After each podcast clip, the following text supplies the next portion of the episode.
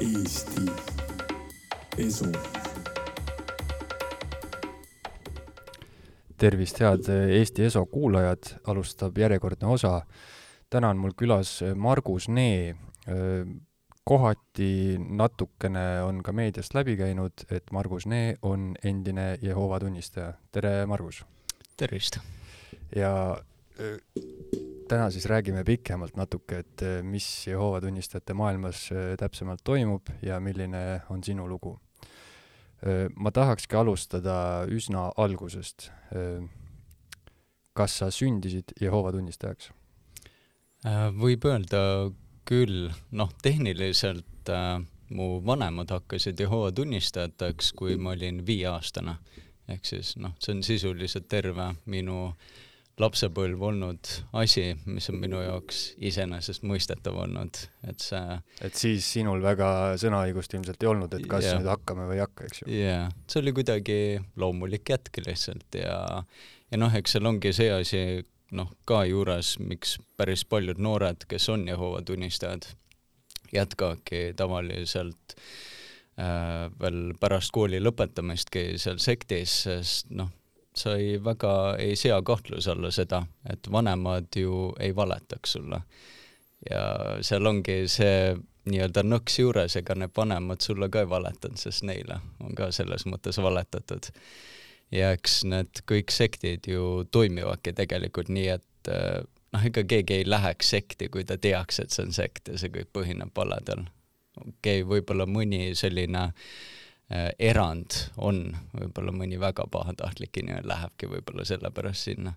aga noh, üldiselt inimesed, kes on sektides, nad on väga head ja toredad inimesed ja hästi siirad inimesed, mis noh, teebki selles mõttes keerulisemaks selle olukorra, sest noh, tihtipeale kui meediast läbi käib, noh, ükskõik mis sektid, näiteks siis Jehoova tunnistajad, siis alati satuvad just äh, äh, sinna kriitikanoole alla just need tavaliikmed, sest nemad ju ongi need, keda äh, on ju kohe näha.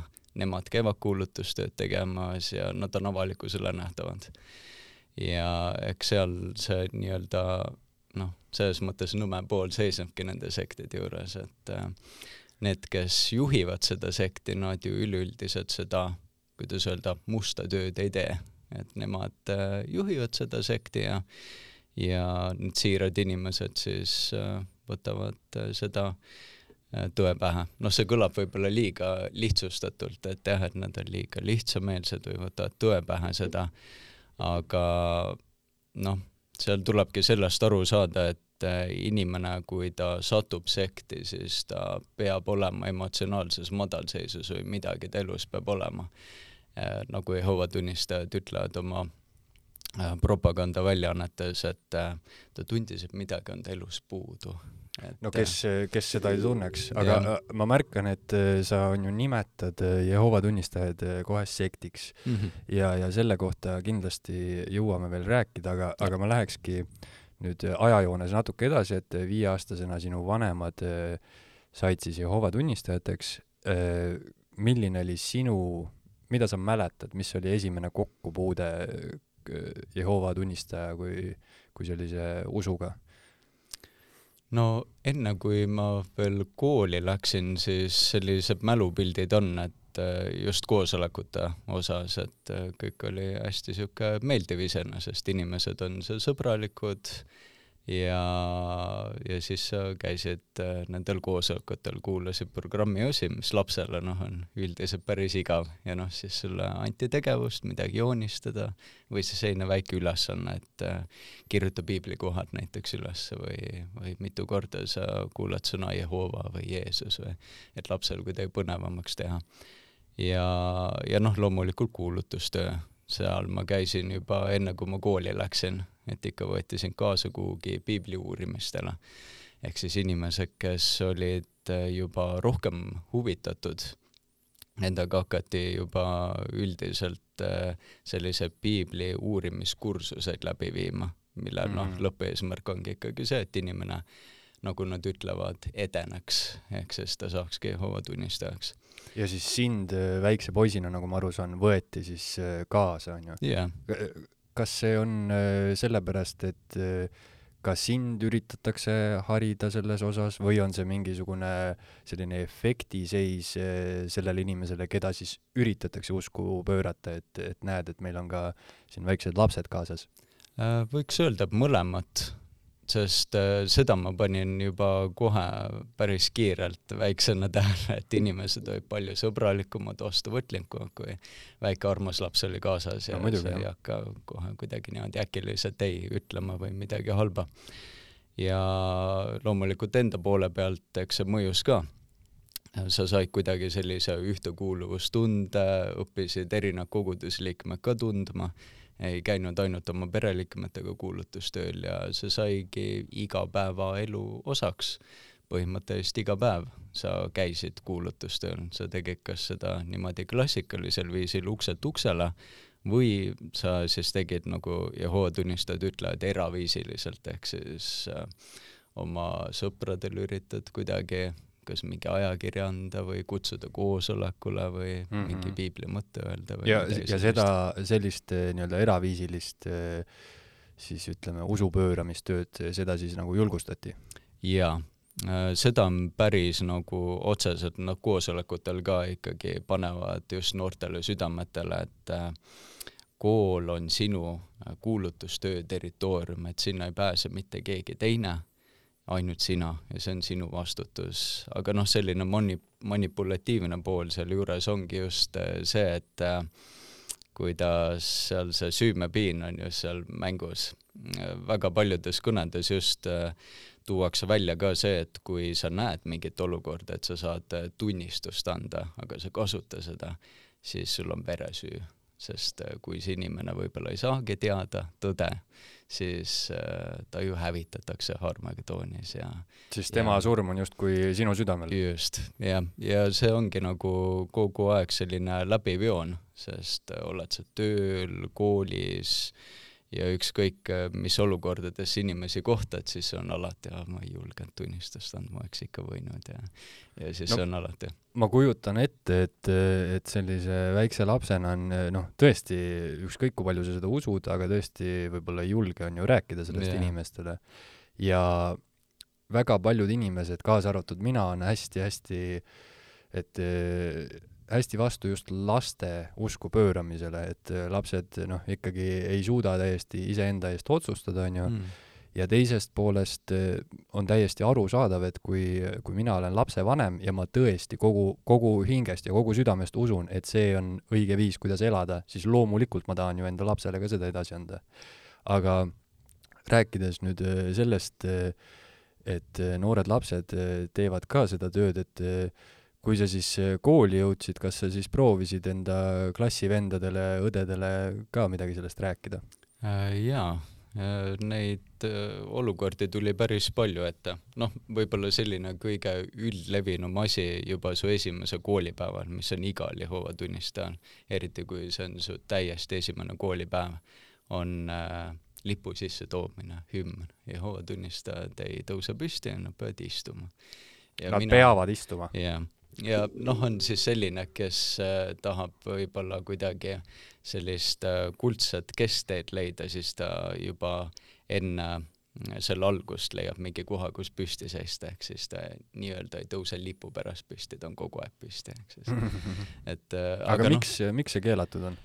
Nemad võtavad seda sellena, et see on ebajumala kummardamine, kuigi noh, see on elementaarne austusavaldus tegelikult mm, -hmm, aga mm -hmm. nemad äh, kasutavad äh, kohe seda piibli jutustust, äh, kus siis kolm noormeest pidid ka Sadrak, Mesak ja Abednego, et nad siis pidid ka suure kuldkuju ette kummardama, aga nad jäid ustavaks ja ei teinud seda ja siis neid visati elusana põlevasse ahju, aga inglid päästsid nad ära ja kõik nagu see et seda nagu näiteks kasutatakse, et äh, me peame ikkagi ustavaks jääma, me ei tohi teha kompromissi ja Jumal näeb ja ta näeb meie mõtteid ja kõike nii, et, et sul on kogu aeg isegi noh, selles mõttes äh, mõttepolitsei isegi, et sa pead kogu aeg oma mõtteid kontrollima, et äh, nad alati noh, kogu aeg õpetavad oma liikmetele, et kõik saab mõtetest alguse,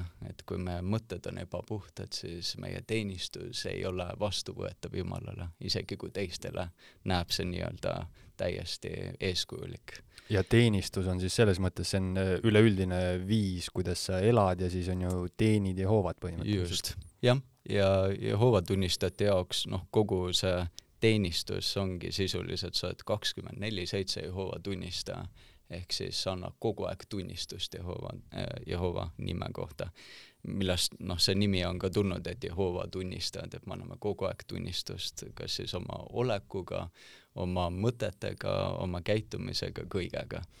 ja see on noh, selles mõttes eriti noorele inimesele tohutu pinge, sest noh, mina võin oma lapsepõlve koha pealt öelda, et ma ei saanud üles kasvada nagu normaalne laps peaks mm. -hmm. ma mhm. mõtlesin juba esimeses klassis selliseid mõtteid, et aga kui mu pinginaaber äh, ei hakka Jehova tunnistajaks, ta hävitatakse Armagedoonis ja nii edasi, et noh, see ei ole päris selline tervislik äh, äh, jah, viis, kuidas nagu noorel lapsel üles kasvada mm, -hmm. et jah kui äh, sa räägid äh, sellest ebajumala kummardamisest, et äh, ma nüüd päris kindel ei ole, aga vist on ka üks kümnest käsust on, et sul ei tohi olla teisi jumalaid või, või yeah. midagi taolist, on ju. täpselt. ja, ja kui me sellest räägime, siis noh, seda võrrelda nüüd on ju riigilipuga või hümniga on muidugi hästi selline kaugelt otsitud võrdlus, on ju yeah., aga kas see vastab tõele, et äh, Jehova tunnistajad siis äh, mõistavad või tõlgendavad piiblit äh, väga sõna-sõnalt? Jah, võib ka nii öelda ja seal on ka see teine pool, et nad loevad väga palju erinevaid selliseid täitumisi sealt välja, et mm -hmm. igasugustest asjadest nad leiutab mingeid ennustusi välja ja, ja siis on alati selline, nagu nad nimetavad, pakilisustunnne peab meil olema, ehk me elame äh, viimsete päevade, viimsete osa viimsete päevade, midagi sellist. Ehk siis äh, äh, me elame praegu nii äh, saatana maailma lõppjärgus ja ennustused on mõned veel täitumata, nagu näiteks siis see, mida Jehova tunnistajad hästi nagu tihti Äh, ka oma koosolekutel räägivad, et enne Harmagedooni peab siis nende piibli tõlgenduse järgi tulema suur viletsus, mis siis tähendab seda, et kõik maailma äh, religioonid keelustatakse ära peale Jehova tunnistajate. aga siis äh, valitsused märkavad, et Jehova tunnistajad on ka olemas ja siis neid rünnatakse ja siis Jumal sekkub ja siis see ongi Harmagedoon.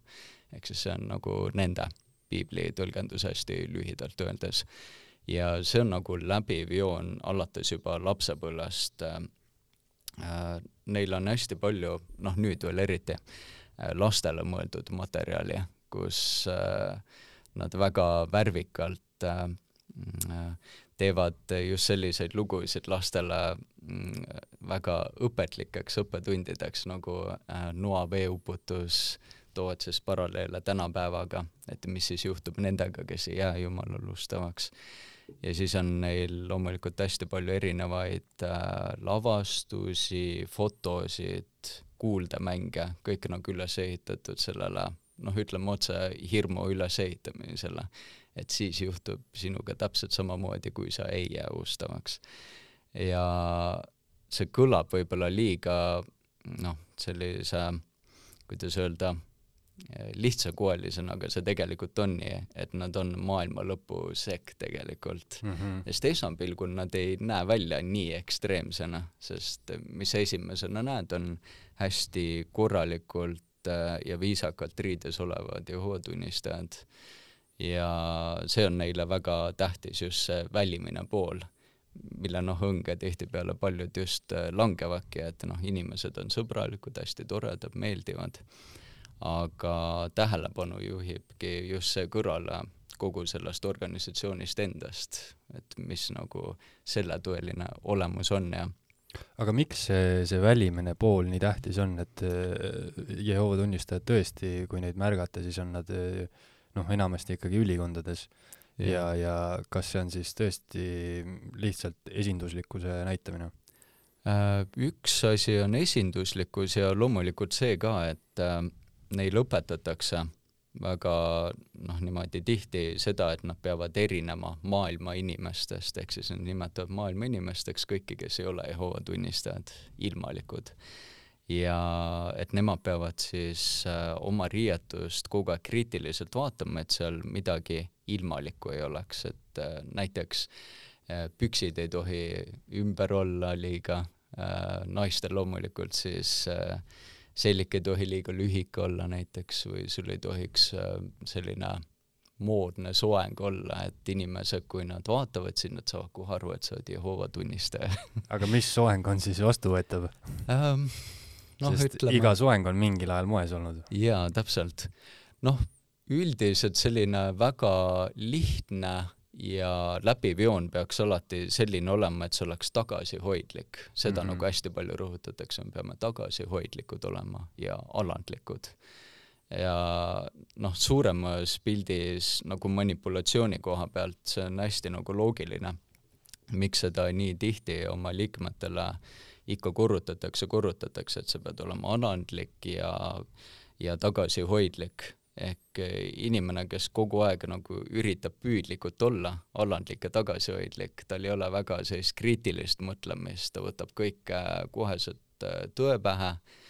Eh, ja noh, see ei olegi nii väga halvas mõttes öeldud, aga just see, et inimene saaks juba seal sektis juba esimestel aastatel väga kiirelt aru sellest, et tema nii-öelda iseseisev mõtlemine ei ole väga heaks kiidetav ainult võib-olla nendes raamides, mis talle on ette antud, aga üldiselt seal on väga palju sellist reeglite järgimist. noh, võib-olla meeste puhul kõige parem näide on äh, habe, mis on väga nagu taunitud Jehova tunnistajate seas ja seal on ka noh, niimoodi väga aga Jeesus oli ju habemik. jaa, täpselt, ja seal tulebki see hästi nagu naljakas pool, et noh, kui juba nahavärvi esiteks vaadata, siis noh, Jeesus ei olnud tegelikult valgenahaline ja, ja habet kandsid ka tol ajal kõik.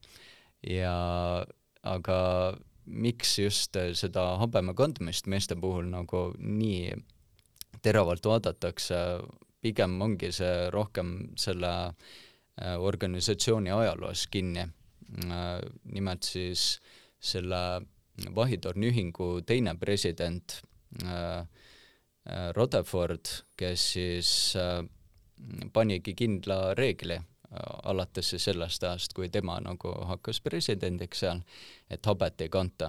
Noh, see põhjus oligi rohkem selles, et esimene president, tema kandis habet ja see mm. nagu tuletas talle meelde siis äh, tema äh, siis eelmist äh, presidenti. ja, ja noh, see on täiesti eraldi lugu, kuidas siis Rutherford sai üldse presidendiks, kuna ta oli siis äh, juristi haridusega, siis ta sisuliselt kasutas ära seadusauke, kuidas see nii-öelda võim endale seal sektis saada. tema oli tegelikult teises nimekirjas alles, kes oleks pärast esimese presidendi surma nagu üldse olnud mingeid šansse saada Äh, võimule. aga jah, kõik selline korporatiivne pool ongi alates just äh, Rutherfordi ajast äh, kõik tulnud, kõik see habemekeeld ja erinevad reeglid, noh näiteks selline ühtne reegel, mis kõigile kehtib, on kuulutustöö aruanne. seda tuleb iga kuu esitada, sa pead kirjutama sinna, mitu tundi sa oled kuulutamas käinud, mitu ajakirja või väljaannet sa oled andnud, mitu piibli uurimist sul on olnud, mitu korduskülastust äh, ja noh, nüüd siis uuemas äh, kuulutuste aruandes sa pead ka kirja panema, mitu videot sa oled kuulutustel inimestele näidanud. Need on siis niisugused lühemad kahe-kolme minuti pikkused videod, mida nad lihtsalt näitavad inimestele ukse peal. ja siis kas sellest äh, tekib siis Jehova tunnistajate seas ka selline teatav võistlusmoment, et kes on nii-öelda on ju Äh, parem äh, Jehova teener? jaa, kohe kindlasti. Ja seal on ka jälle selliseid nagu äh, vastakaid signaale, et ühelt küljelt nagu öeldakse lavalt, et me peame järgima seda piibli põhimõtet, et olema just rahul sellega, äh, mida meie teeme, et mitte vaadata teisi ja ennast võrrelda teistega, aga siis teiselt poolt jälle räägitakse lava pealt äh, seda, et me peame ikkagi veel paremini tegema, kuidas me saaksime veel paremini teha ja hästi palju rõhutatakse seda, kas see sinu parim on ikka su parim. ehk siis alati on kogu aeg see kahtlus, et noh, tegelikult noh, selles mõttes statistiliselt sa saad loomulikult kõike nagu paremini teha mm, -hmm. kunagi nagu alati, alati saab paremini. aga öö, kui rääkida nendest reeglitest, siis noh, toome näite, et ma lähen maakoju, teen kolm päeva seal puid, onju, mul on selline väike suvila või, või maakoduke ja tulen tagasi ja siis on mul kohe see jumalateenistus. Ja no tõesti, selle kolme päeva jooksul ei jõudnud habet ajada ja vaevu jõudsin jumalateenistusele, ei jõudnud kodus käia, et et mis, kuidas seda nagu, seda reeglite rikkumist siis äh, kõnetatakse või, või mis seal juhtub, kui ma tulen habemega sinna, sinna kogudusse või mu seelik on kogemata kuidagi liiga, liiga väike, et kas seal on tõesti sellised äh, mingi presiidium või nõukogu, kes tuleb ja siis kutsub su kõrvale ja ja ma ei tea, annab rihma või, või mis seal toimub?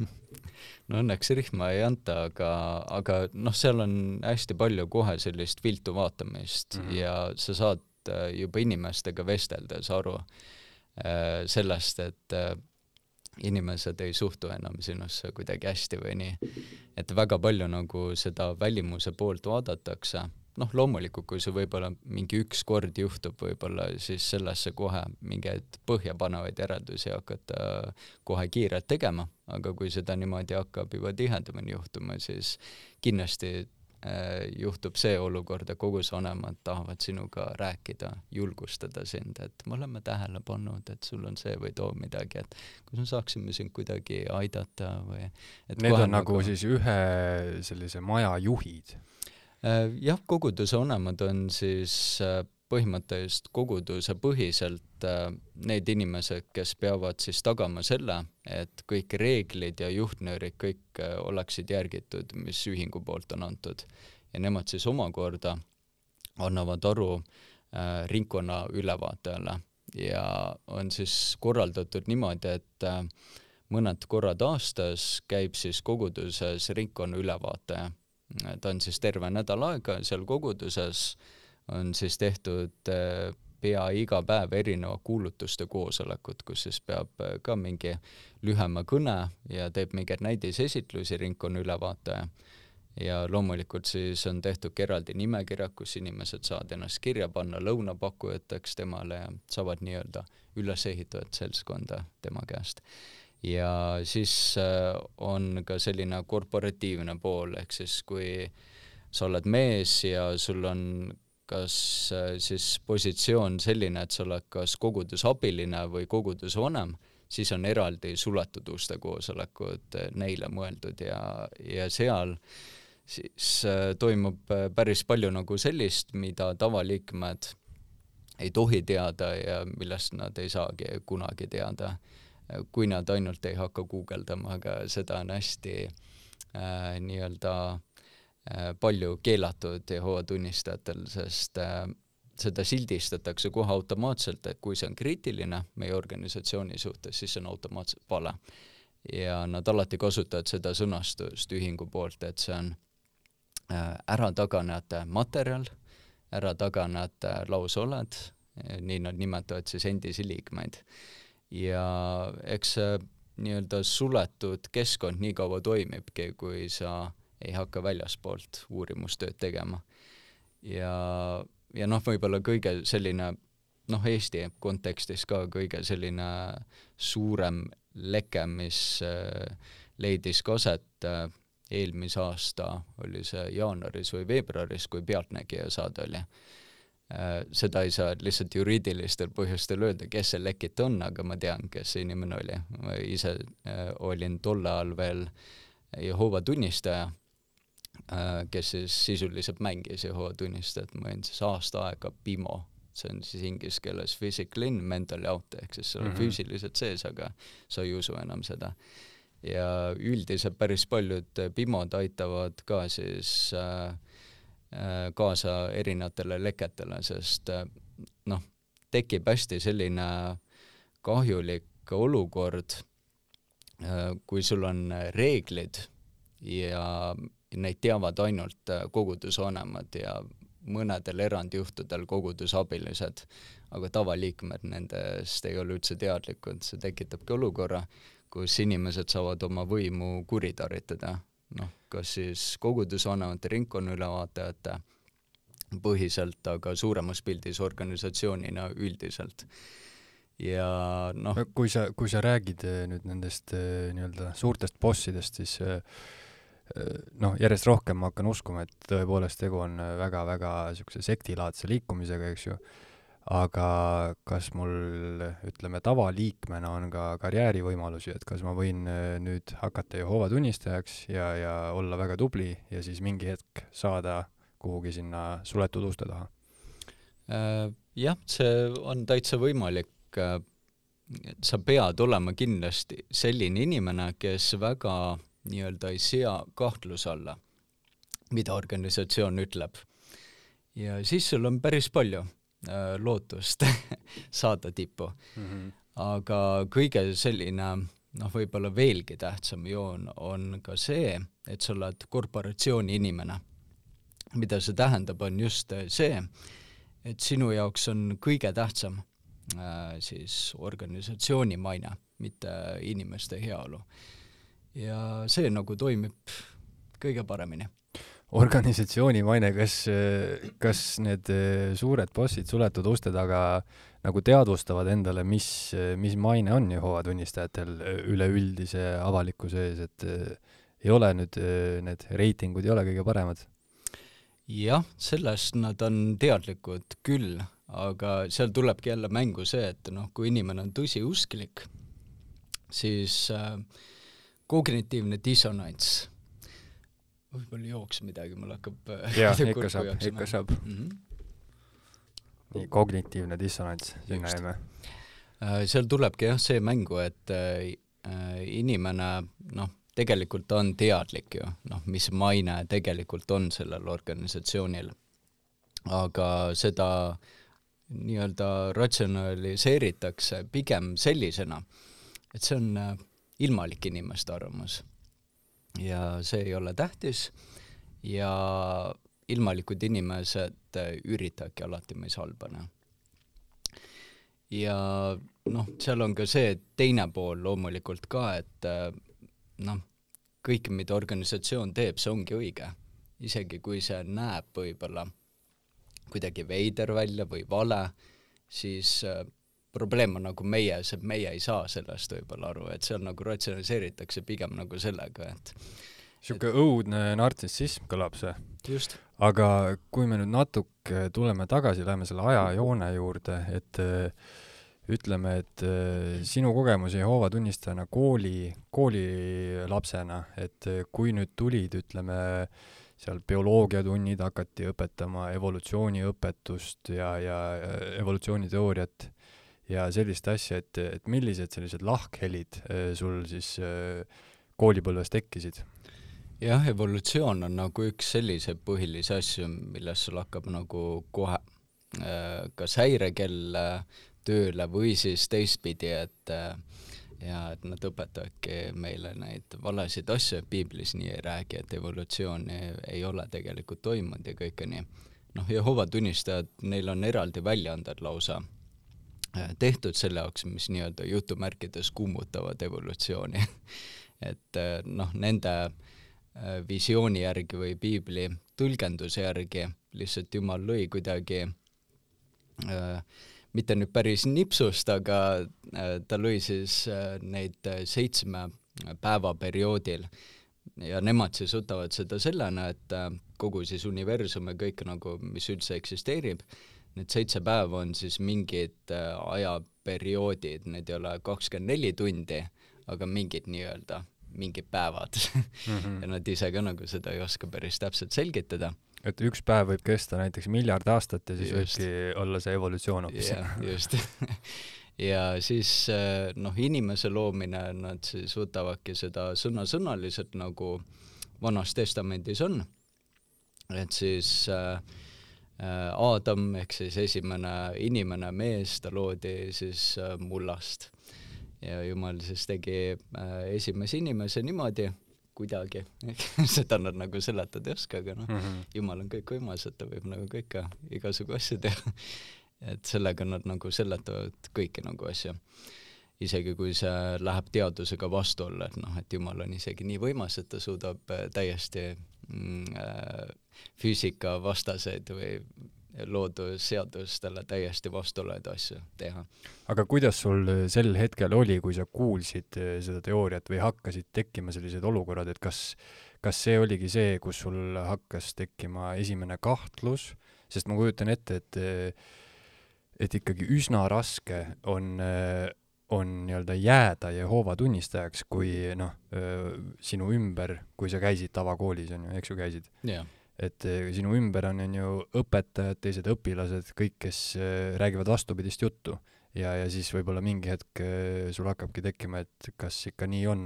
Või, või ikkagi tol hetkel, kui sa olid koolipõlves, oli, sa ikkagi eitasid seda?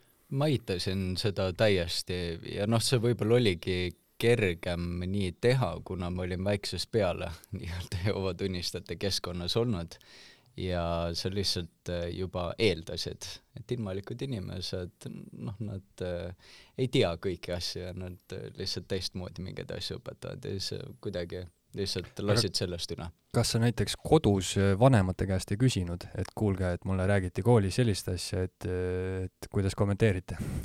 Äh, seda oli, aga see oli alati selles võtmes, et äh, äh, kuidas sa saaksid nüüd tunnistust anda, et meil on need piiblitekstid, meil on need uurimismaterjalid, uuri neid, vaata, ja noh, see sisuliselt õppisidki pigem nagu selle selgeks, et kuidas sa saad väidelda nagu inimesega mm. -hmm. kas sa nüüd ise nagu uskusid seda, nüüd tagasi vaadates loomulikult noh, seda ei saanud väga usuks nimetada, sest ma ei osanud seda endale kunagi lõpuni ära põhjendada. Alati oli see nii-öelda vastus iseendale, mida nad ka julgustavad koosolekutel alati, et kui sa praegu sellest aru ei saa, siis sa pead Jehovale aega andma, et ta õigel ajal annab sulle vastused nendele asjadele, et see on su usukatse ja sa pead lihtsalt selle nii-öelda kuidagi praegu jätma ja edasi teenima Jumalat ja nii on päris paljude kahtlustega Jehova tunnistajatel Margus, kui vana sa praegu oled? kolmkümmend kaks. Kolmkümmend kaks, no siis äh, me oleme enam-vähem ühevanused. Äh, siis mingi hetk, ütleme, kui tuli koolis, tuli evolutsiooniteooria, siis hakkasid lülituma ka sellised, noh, kui saada teismeliseks, juba tulevad, ma ei tea, mingisugused ma kujutan ette, et patumõtted on ju, ja, ja, ja sellised asjad, et kuidas, kuidas sa sellega tegelesid? äh,. kui sulle näiteks tüdrukud meeldima hakkasid, mis, mis siis juhtus äh,? Mul oligi selles mõttes nagu huvitav, et kuigi ma noh, ma selles mõttes olin ajuloputatud, ma uskusin nagu kõike, aga samal ajal ma ei tahtnud endale kunagi äh, saada äh, naist või abielluda naisega, kes on Jehova tunnistaja, et niimoodi nagu tagasi vaadates äh, on nagu väga huvitav sellele vaadata, et kuidas see saab siis olla. Et sa nagu usud, et see on tõde, aga sa ei taha, et su lapsed kasvaksid äh, sellises keskkonnas üles, eks see on ka jälle niisugune nagu kognitiivne mõtlemine, et sa sügavas sisimas tegelikult iga Jehova tunnistaja teab, et see ei ole tõde.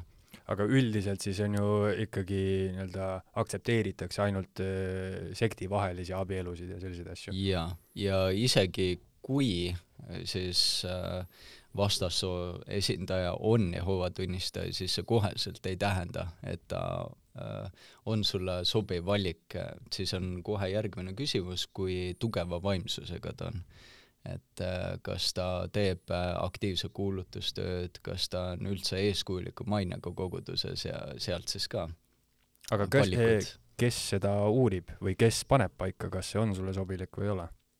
seal nagu otseselt sulle nimeliselt ei panda nagu paika, et näed, see on eh, sulle halb valik, aga see saab sulle endale nagu väga kiirelt selgeks, sest eh, noh, pea igal koosolekul räägitakse, eh, milline on halb seltskond isegi koguduses. ja noh, siis sa näed ju kohe ära, ahah, ta ei käi väga palju kuulutamas või ta on Jehoova tunnistaja, aga ta käib äh, ilmalike sõpradega palju läbi, et jälle halva vaimsusega ja nii edasi, et et äh, inimene, kes on veel noor, siis noh, tal on ikka väga raske leida endale sobiv inimene, kellega nagu abielluda, sest äh, noori on üleüldiselt ka Jehoova tunnistajate sektis palju-palju vähem.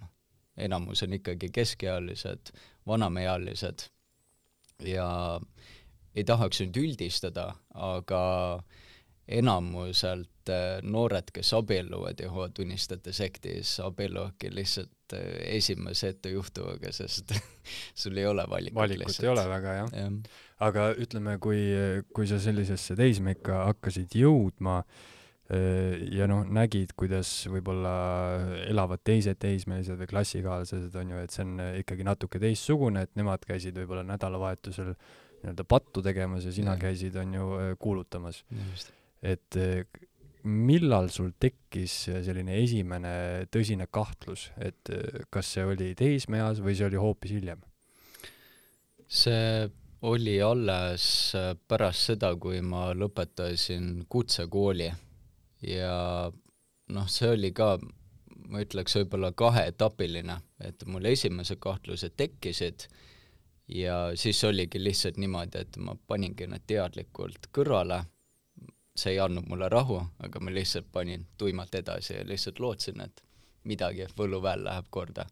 siis läksid mõned aastad mööda ja siis juba, kui ma kolmekümne aastaseks umbes niimoodi sain, siis juba tulid mul uuesti kahtlused ja siis, siis juba ma hakkasin tegema seda, mida Jehova tunnistaja teha ei tohiks nende reeglite järgi. ehk siis äh, sa lähed internetti ja hakkad äh, nii-öelda muid materjale ka uurima selle organisatsiooni kohta, õpetuste kohta, noh, tol ajal ma pidasin ennast veel ka kristlaseks, tänaseks päevaks ma olen agnostik, minu jaoks nagu piibel on rohkem selline ajalooline raamat lihtsalt, et kus on hästi palju võib-olla mõistujutte ja niisuguseid asju, et seal on loomulikult kasulikke asju ka, aga minu jaoks ta ei ole mingi noh, moraalikoodeks või midagi sellist, et noh, sa ei pea tegelikult olema mingi usklik, et olla hea inimene.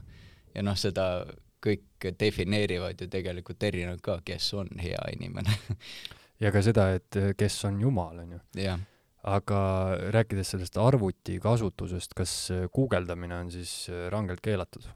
ei ole, aga niipea, kui sa satud äh, materjali, materjali otsa, mis on kriitiline Jehova tunnistajate suhtes, siis sellest sa pead äh, väga äh, niimoodi äh, kindlalt eemale hoidma no.. ja nagu ma aru saan, siis äh, selle võib-olla selline suunitlus ongi see, et sa oleksid justkui kontrolliksid iseennast, on ju, et yeah. noh, ma kujutan ette, et päris interneti ajalukku ei hakka need koguduse vanemad sul minema, onju, aga sul on nagu sisse ehitatud selline süsteem, et sa ise kontrolliksid ennast ja ise siis hoiduksid äh, sellistest, sellisest infost, mis on ju, väidab vastupidist. just.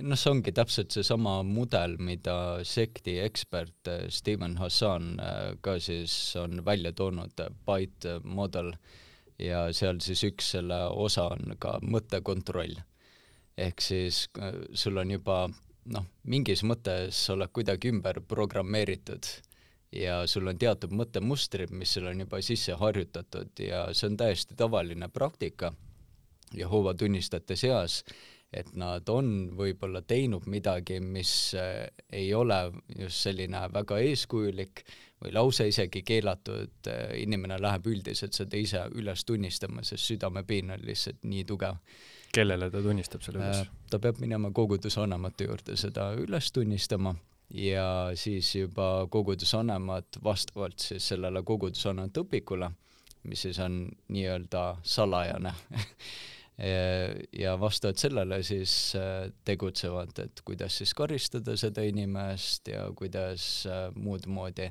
temaga käituda edasi, kas mingid eesõigused talt ära võtta või mingit muud moodi distsiplineerida ehk sisuliselt täiskasvanud inimene on see mingis mõttes nagu lapse tasandil, ta peab äh, igasugu asju üles tunnistama, mis nagu tänapäeva ühiskonnas ei tohiks nagu üldse mitte kellegi asi olla, see mm. peaks täiesti nagu inimese isiklik asi olema.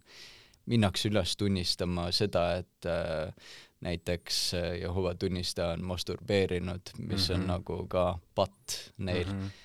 Ja siis äh, minnakse seda üles tunnistama, loomulikult äh, kui oled mingit filmi vaadanud, mis äh, on olnud võib-olla sellise sisuga, kus on ebamoraalsust, mingid seksitseenid on sees olnud või on vägivalda, action'it olnud siis.... okei okay,, ma mõtlesin, et porno on keelatud, aga lausa seksistseenidega filmid, no neid eh, siis ei jäägi väga midagi üle vaadata. jah, aga ongi, see oli meil nagu väga koomiline olukord kodus alati, et kui me vaatasime mingi filmi ja kui tuli mingi seksitseen, siis äh, pulti järsku ei olnud kuskil, kõik olid pane kinni, pane kinni telekas, ära vaata mm -hmm. katke oma kõrvad kinni pange telekas kinni ja vaata seda aga, aga sellest rääkides, kas äh, et kuidas seksi üldse suhtutakse, et kas näiteks sinu vanemad äh, rääkisid sulle midagi seksist või on see tõesti selline asi, mida noh, isegi noh, selles mõttes ma arvan, Jehova tunnistajad, kes on omavahel abielus, on ju, kas nende vahel on äh, seks nagu normaalne asi või seal on ka mingisugused määratlused ja piirangud? Äh, noh, nii ja naa. Äh, seks selles mõttes ei ole tabu seal sektis, et kuna see on lubatud siis kahe omavahel abielus oleva inimese vahel ja kõik muu on nagu nii-öelda keelatud ja patt. aga seal on jällegi see pool, et Äh, teatud äh, sekspoosid ei ole lubatud. mis sekspoosi ei ole lubatud Nad kindlalt ei ole niimoodi välja öelnud, aga nad on äh, öelnud niimoodi üldistatult, et äh, me ei tohiks olla nagu ilmalikud inimesed ja noh, sealt jääb nii palju nagu tõlgendamisruumi Jehova tunnistajatele ja siis on alati see äh, mõttemuster igal Jehova tunnistajal, et ma proovin siis äh, igaks juhuks seda ära jätta ja seda, et noh, siis, siis on kindel, et ma ei tee nagu pattu mm. -hmm. mis tekitab nagu olukorra tegelikult, et isegi omavahel abielus olevad inimesed, loomulikult on erandeid, aga kus nad on väga kohmetud täiesti mm -hmm. nagu sellise normaalse asjaga nagu seks, mis peaks täiesti inimeste omavaheline asi olema. ma saangi aru, et, et nagu noh, sellele kuidagi viidatakse, et et ma ei tea, ärme kasuta näiteks neid sekspoose, mida öö, kõik teised kasutavad või, või midagi sellist, aga et öö, nagu täiesti siis kindlat reeglit ei ole, et umbes, et, et koerapoosis ei või seksida või, või ma ei tea, suhu ei või võtta või midagi sellist. jaa, ei, niimoodi konkreetselt öeldud ei ole, aga aga kes selle, kes selle siis konkreetse nagu tähenduse sinna juurde mõtleb, kas need ongi inimesed ise? jaa, ja seal tulebki nagu see hästi huvitav manipulatsiooni nõks, et noh, hästi selline äh, juhtiv pool on just hirm. Ja hirmul on suured silmad ja siis inimesed äh, noh, ikkagi nende äh, tulevik on mängus, paradiisi lootus on mängus mm -hmm. ja nad ei taha mingit eksimisruumi jätta, siis jäetakse nii-öelda piltlikus mõttes suur varu nii-öelda, et ma igaks juhuks ei tee seda nagu mm. -hmm. või ja noh, alati öeldakse seda, kui sul on nagu väike kahtlus, et kas see nagu on õige vale, siis ära pigem tee ehk siis sul jääb nagu väga selline äh, mõttepolitsei režiim kogu aeg nagu peale ja noh, juba psüühilise tervise poole pealt see on esiteks väga kurnav ja loomulikult see ei ole üldse nagu tervislik ühelegi inimesele. jah, see on siis, mulle kõlab see sellise reeglina, et äh, mida igavam, seda parem, seda kindlam on, et yeah., et seal ei ole midagi keelatut, eks ju. aga jah, sektidega tihtipeale ka seostatakse igasuguseid äh, nagu haigeid äh, seksuaal mingeid suhteid, ütleme siis selle hierarhia erinevate liikmete vahel, et kuidas Jehoova tunnistajatel on, et kas, kas need suured bossid või koguduse vanemad, kas nemad ei saa endale valida näiteks mingisuguseid noorte Jehova tunnistajate seast endale partnereid või? Äh, vähemalt ametlikult mitte, aga noh, selline kõige suurem probleem selles sektis, noh nüüd juba paar viimast aastat on seda eriti USA meedias ja erinevates dokumentaalides ka väga nagu lahatud ja kriitiliselt äh, Äh, läbi arutatud, on just pedofiilia juhtumite kinnimätsimine. ja ma olen Eestis konkreetselt kahest juhtumist ka teadlik ja need on siis, üks on üks inimene, keda on siis seksuaalselt kuritarvitatud, on nüüdseks endine Jehova tunnistaja, aga teine on täiesti uskuv Jehova tunnistaja. ja, ja seal on noh, miks nagu tekivad sellised asjad seal üldse, mis peaks ju olema, nagu nad ise ütlevad, et see on Jumala koda, et see on kõige, moraalselt kõige puhtam koht üldse, mis saab olla.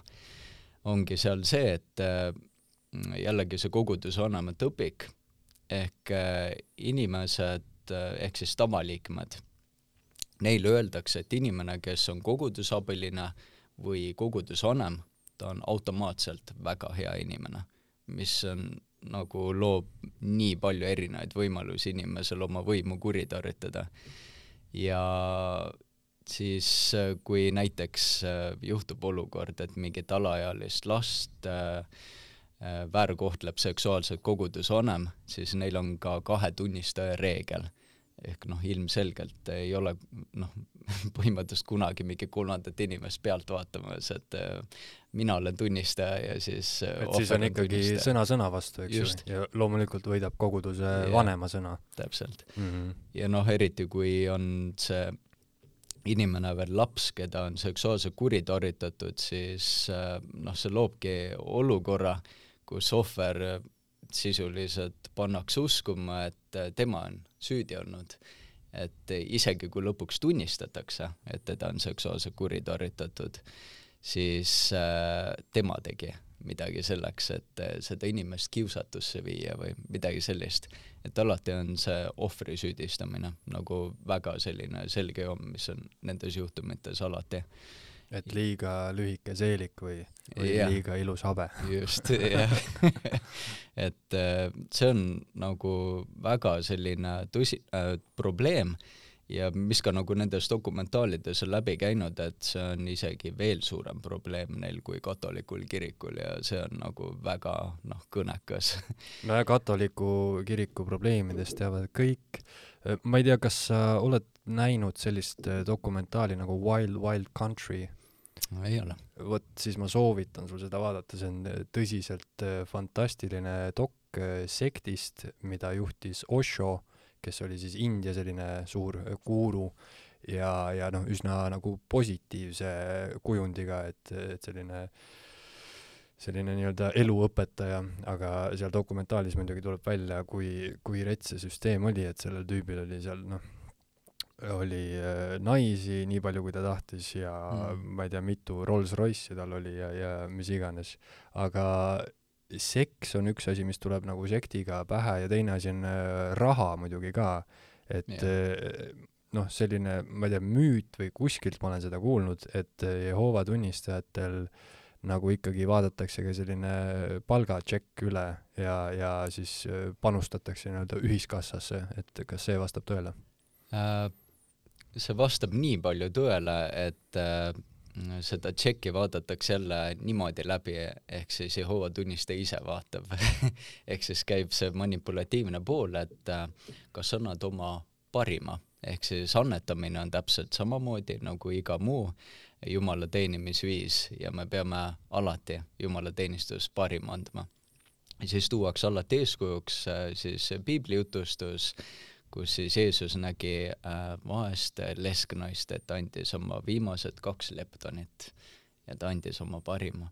et mis on meie parim ja noh, sealt jääb jälle tõlgendamisruumi jälle ja noh, kuna sinu äh, tuleviku lootus on äh, ohus, siis sa pead jälle nii-öelda mingi varu jätma, et noh, et ikka oleks kindel, et ma pääseks. aga jumalateenistusel siis käib äh, ikkagi selline korv, korvike käib ringi, kuhu raha panna? ei, seda ei ole.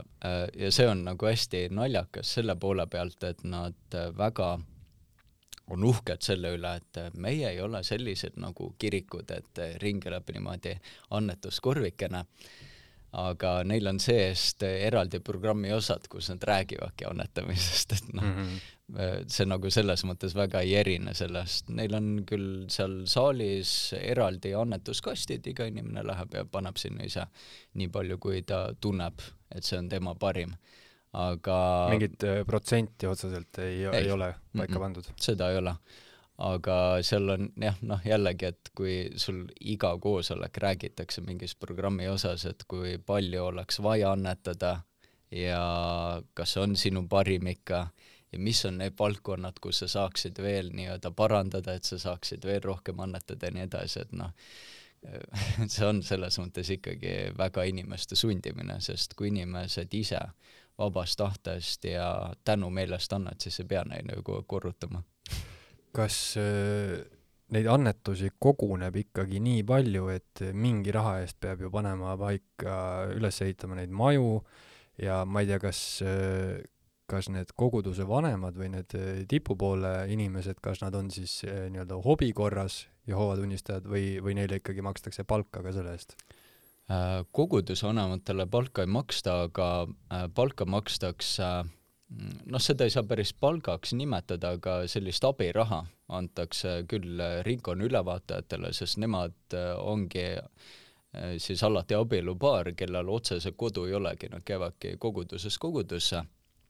Ja siis neil on loomulikult oma kodukogudus, kus nad siis äh, elavad koguduses. äh, jah, sisuliselt neil on eraldatud äh, siis äh, keskuses eraldi ruumid, kus nad saavad elada, kui neil ei ole äh, siis käimas koguduse külastustööd ja nad on oma kodukoguduses.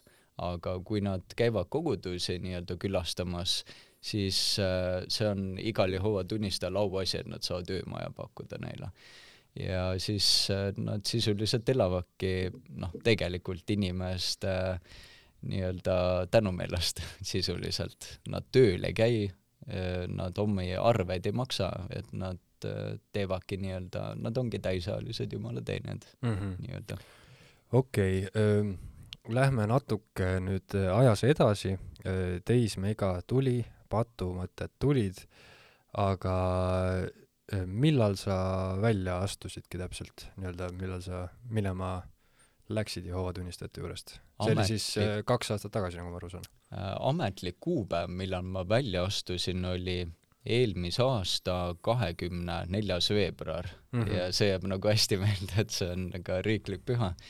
et see kuidagi nagu juhtus niimoodi just sellel päeval, ma ei planeerinud isegi nagu ette, et see täpselt äh, samale päevale satub mm. -hmm. aga, aga ma tahakski, tahakski enne küsida just sinu äh, kahekümnendate kohta, et äh, mis elu sa siis elasid, kas sa käisid tööl, kas sul oli elukaaslane või olid sa abielus või, või kuidas see kahekümnendates Jehova tunnistajate äh, elu välja näeb? ma käisin tööl siis poole kohaga, et ma saaksin olla pioneer.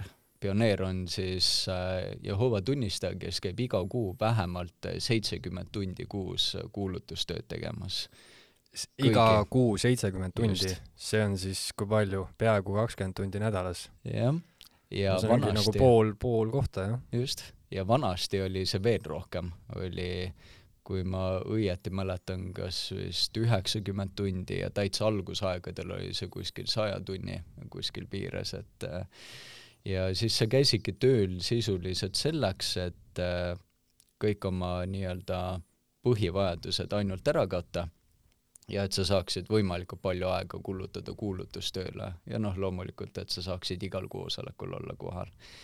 et äh, sellist normaalset tööl käimist või isegi noh, täiesti elementaarsete vajaduste eest hoolitsemist kui sellist äh, nagu äh, meil normaalselt ühiskonnas nagu käib, seda nagu Jehova tunnistajana ei olnud. noh, loomulikult ma ei pidanud mingit puudust otseselt kannatama aga ma pidin väga paljudest asjades noh, noh, selles mõttes ära ka ütlema.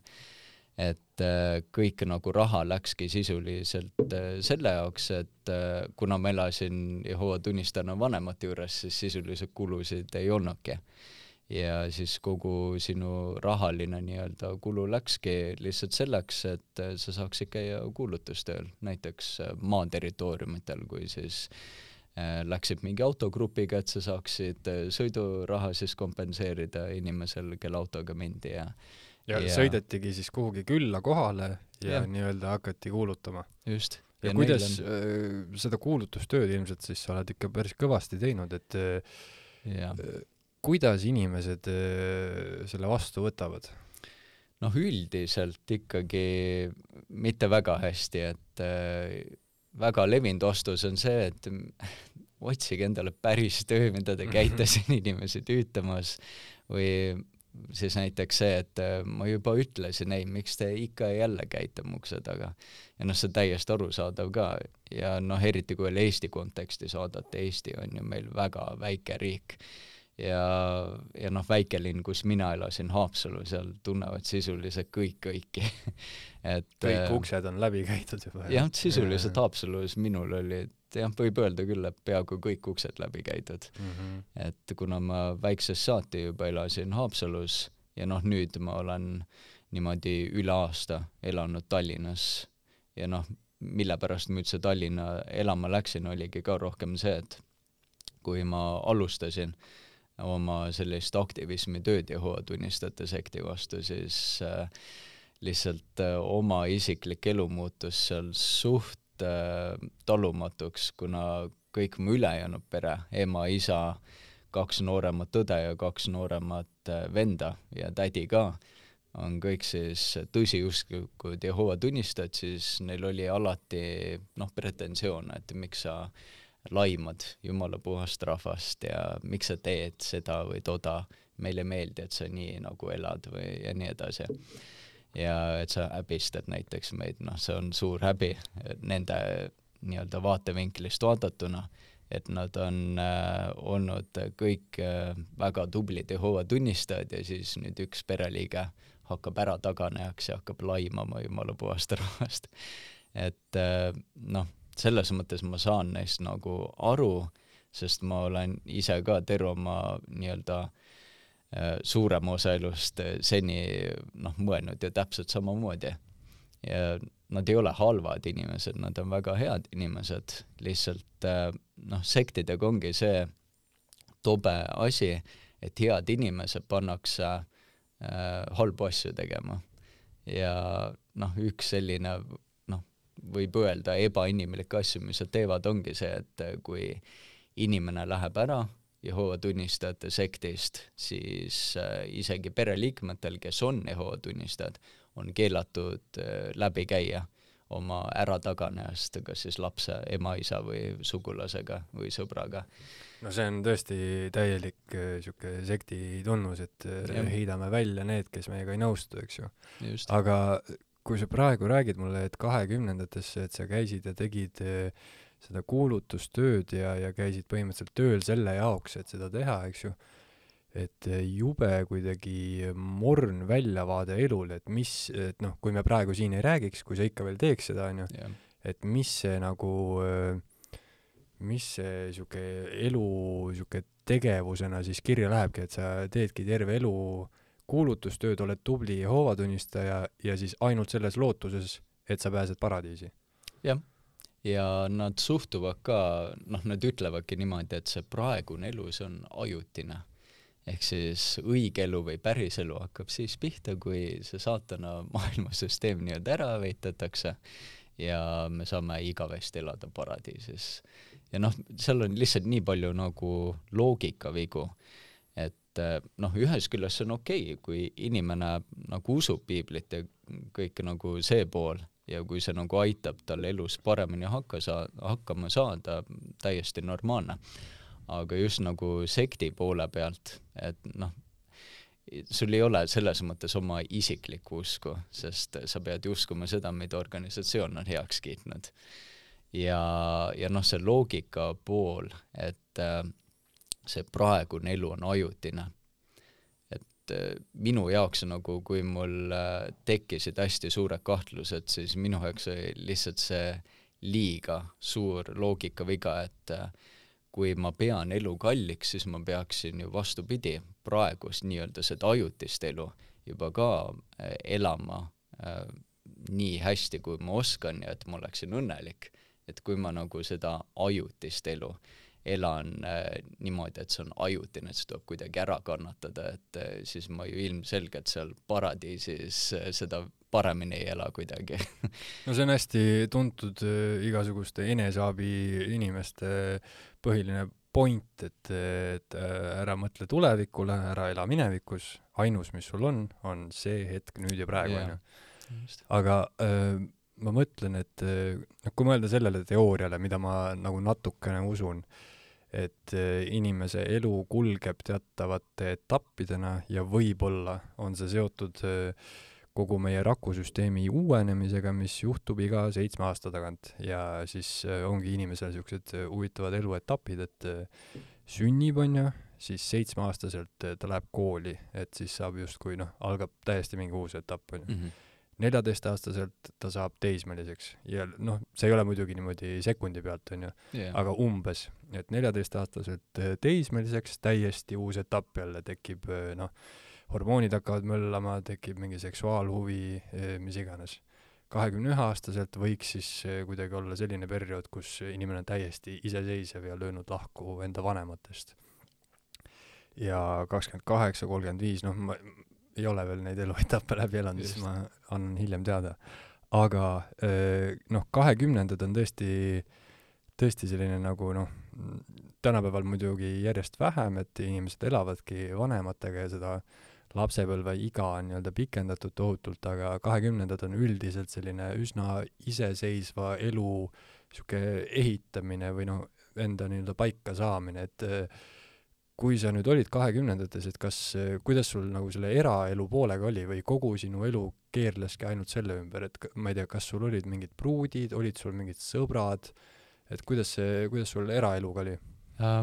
noh, mul oli oma eraelu, aga see oli alati kuidagi äh, sellise, kuidas öelda, varjundiga, et see peab, nagu nad ütlevad, kuningriigi huve edendama. ja noh, mul oli ka ilmalikke sõpru ja mul oli noh, kogu aeg selline sisemine vastuolu, et ma sain alati kõige paremini läbi just inimestega, kes ei olnud Jehova tunnistajad.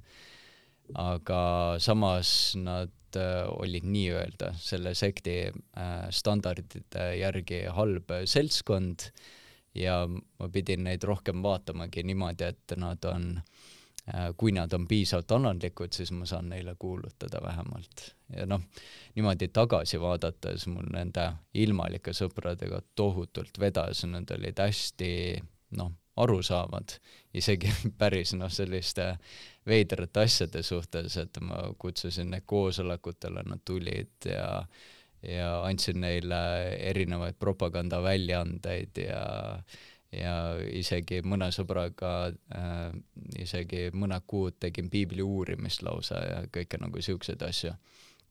Et äh, et nad nagu selles mõttes täitsa ametlikult aitasid sind välja, ütleme noh, hästi levinud on niisugune skeemitamine, et mul on vaja koolis, noh näiteks kutsekoolis on vaja teha praktikat, on ju, ja ma tean, ma ei tea, enda onu, kellel on mingi firma, ja onu ütleb, et noh, ma panen sulle need tunnid kirja, et siis sõpradega oli samamoodi natuke, et said sinna aruandesse nii-öelda need piiblitunnid kirja panna, eks ju. jah, ja see oli nagu palju kergem kuulutuste tegemine, sest eh, noh, siis sa väga nagu ei tundnud, et sa teed kuulutustööd, sa said eh, noh, oma meelt lahutada, said sõpradega aega veeta. aga kuidas, kuidas need sõbrad sellesse suhtusid, et kas nad äh, nagu tegid seda umbes nii, nagu ma kirjeldasin, et et noh, et tee ja räägi, on ju, et me saame sinust nagu aru, et sa niimoodi elad, niimoodi usud, seda tahad rääkida meile, aga me ei võta nagu seda väga tõsiselt, et sa noh, ma ei tea, meeldid meile lihtsalt inimesena. või, või nad ikkagi nagu tõsiselt võtsid sinu sõnu kuulda ja kaalusid ka ise siis Jehova tunnistajaks hakkamist ei, nad kunagi seda ei kaalunud, et nad hakkaksid Jehova tunnistajaks, aga pigem see oli niimoodi, et nad olid rohkem nagu lugupidavad, et nad vaatasid seda kui minu veidrust lihtsalt mm. -hmm. et äh, inimesena me nagu äh, saime hästi läbi, me klappisime hästi ja see nagu oli kõige, kõige tähtsam, et nagu ülejäänud kõik sellised asjad, äh, poliitilised vaated või usulised tõekspidamised, need olid lihtsalt, et noh, see on, see on sinu asi nagu lihtsalt, et meie pole nagu need, kes seda halvustavad või niimoodi. et äh, aga noh, naljakas lihtsalt tagasi vaadates, et mina ei mõelnud kunagi niimoodi, mina ju olin alati selle mõtlemisega, nagu meid õpetati, et meil on ainukesena tõde. aga millegipärast just need äh, jutumärkides halvad inimesed äh,, maailma inimesed olid alati arusaavamad kui mina ise tegelikult. aga et sul ikkagi nagu, kui ütleme, te sellistest teemadest rääkisite, et siis äh, sul oli ikkagi mingi usk või lootus, et nad äh, saavad sinust aru ja võib-olla siis äh, liituvad? ma ikka jaa, hellitasin neid lootusi küll, et mm -hmm. noh, mina alati põhjendasin seda nii, et noh, kui nad saavad Jehova tunnistajaks, et siis me saame nii-öelda päriselt sõbrad olla, et noh, praegu ma pean selles mõttes nagu äh, mitte nüüd päris teesklema, aga mingi alati tagamõttega alati mm. on asi sest äh, ma ei läinud ju kunagi oma sõbraga lihtsalt aega veetma, et lihtsalt ägedalt aega veetma. alati oli see, et noh, et nüüd see aeg ei läheks äh, raisku, ma peaks nüüd mingi võimaluse leidma, kuidas äh, nii-öelda tunnistust anda talle, et aga kui mõni sõber kutsus sind näiteks enda sünnipäevale, kuidas sa siis reageerisid, sest ma tean, enne ma küsisin selle hästi sõna-sõnalt piibli tõlgendamise kohta ja äh, piiblis, noh, ma ei tea, ma ei ole piiblit läbi lugenud, kuigi ma olen lugenud ka neid lastele mõeldud äh, lastepiibleid.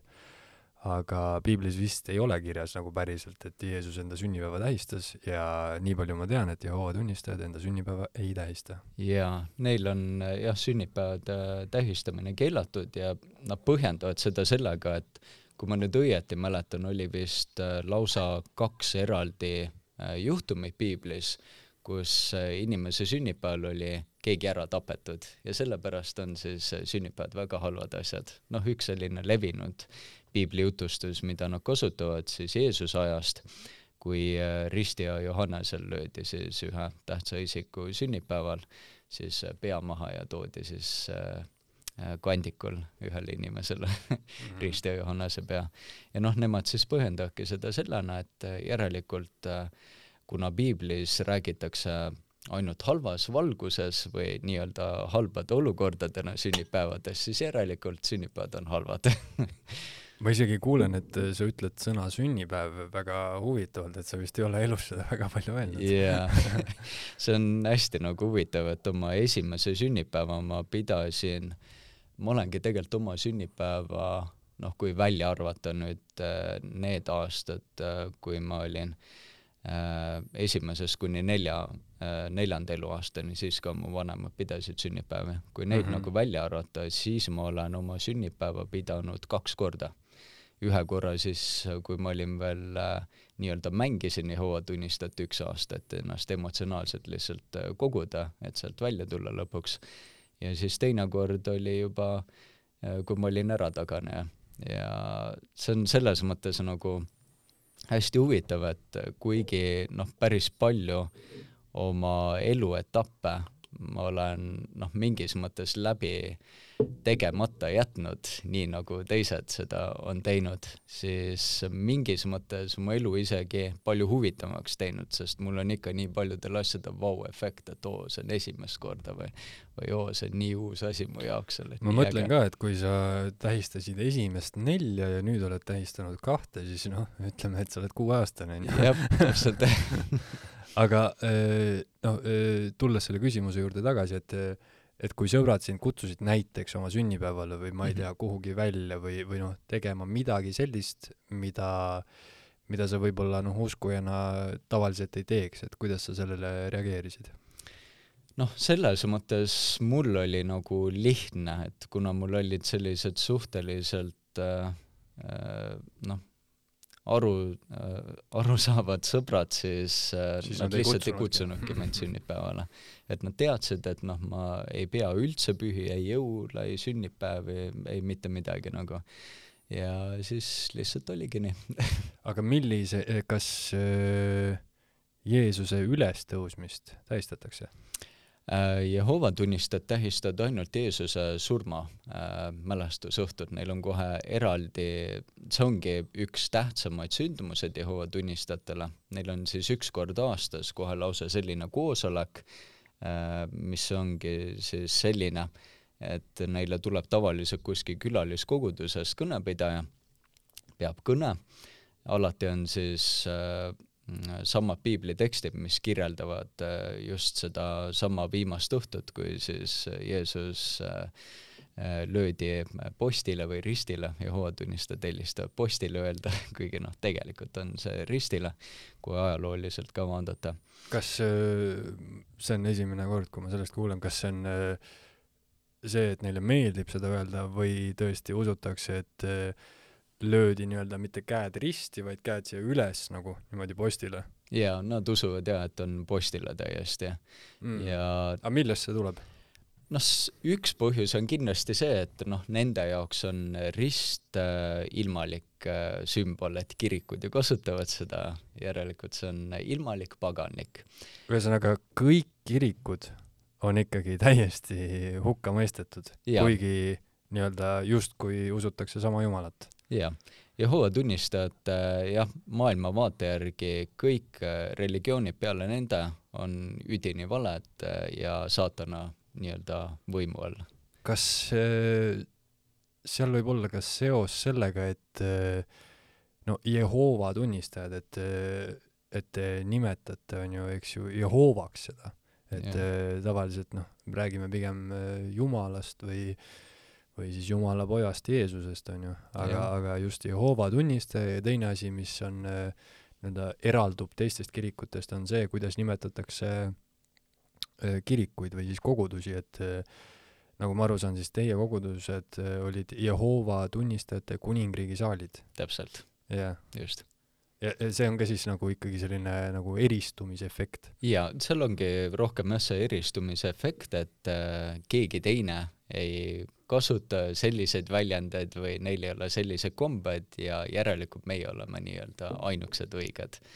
ja see on nagu hästi tavaline ka sektide puhul, iga nagu sekt kasutab seda eri variatsioonides, aga seda on nagu hästi palju kõikidel sektidel, et näed, et meie ainult teeme seda, sellepärast me olemegi tõde.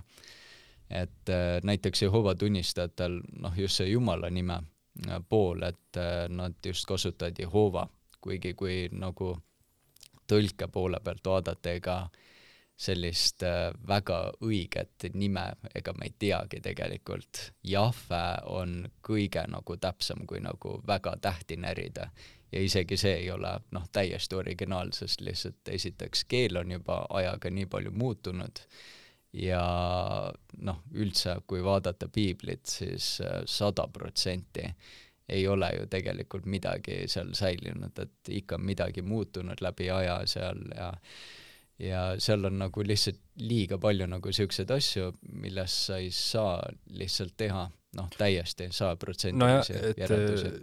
ju tõlgetes läheb nii palju kaduma ja, ja. eriti on see oluline siis, kui tõesti nagu võtta väga-väga sõna-sõnalt seda, seda on ju tõlgendust.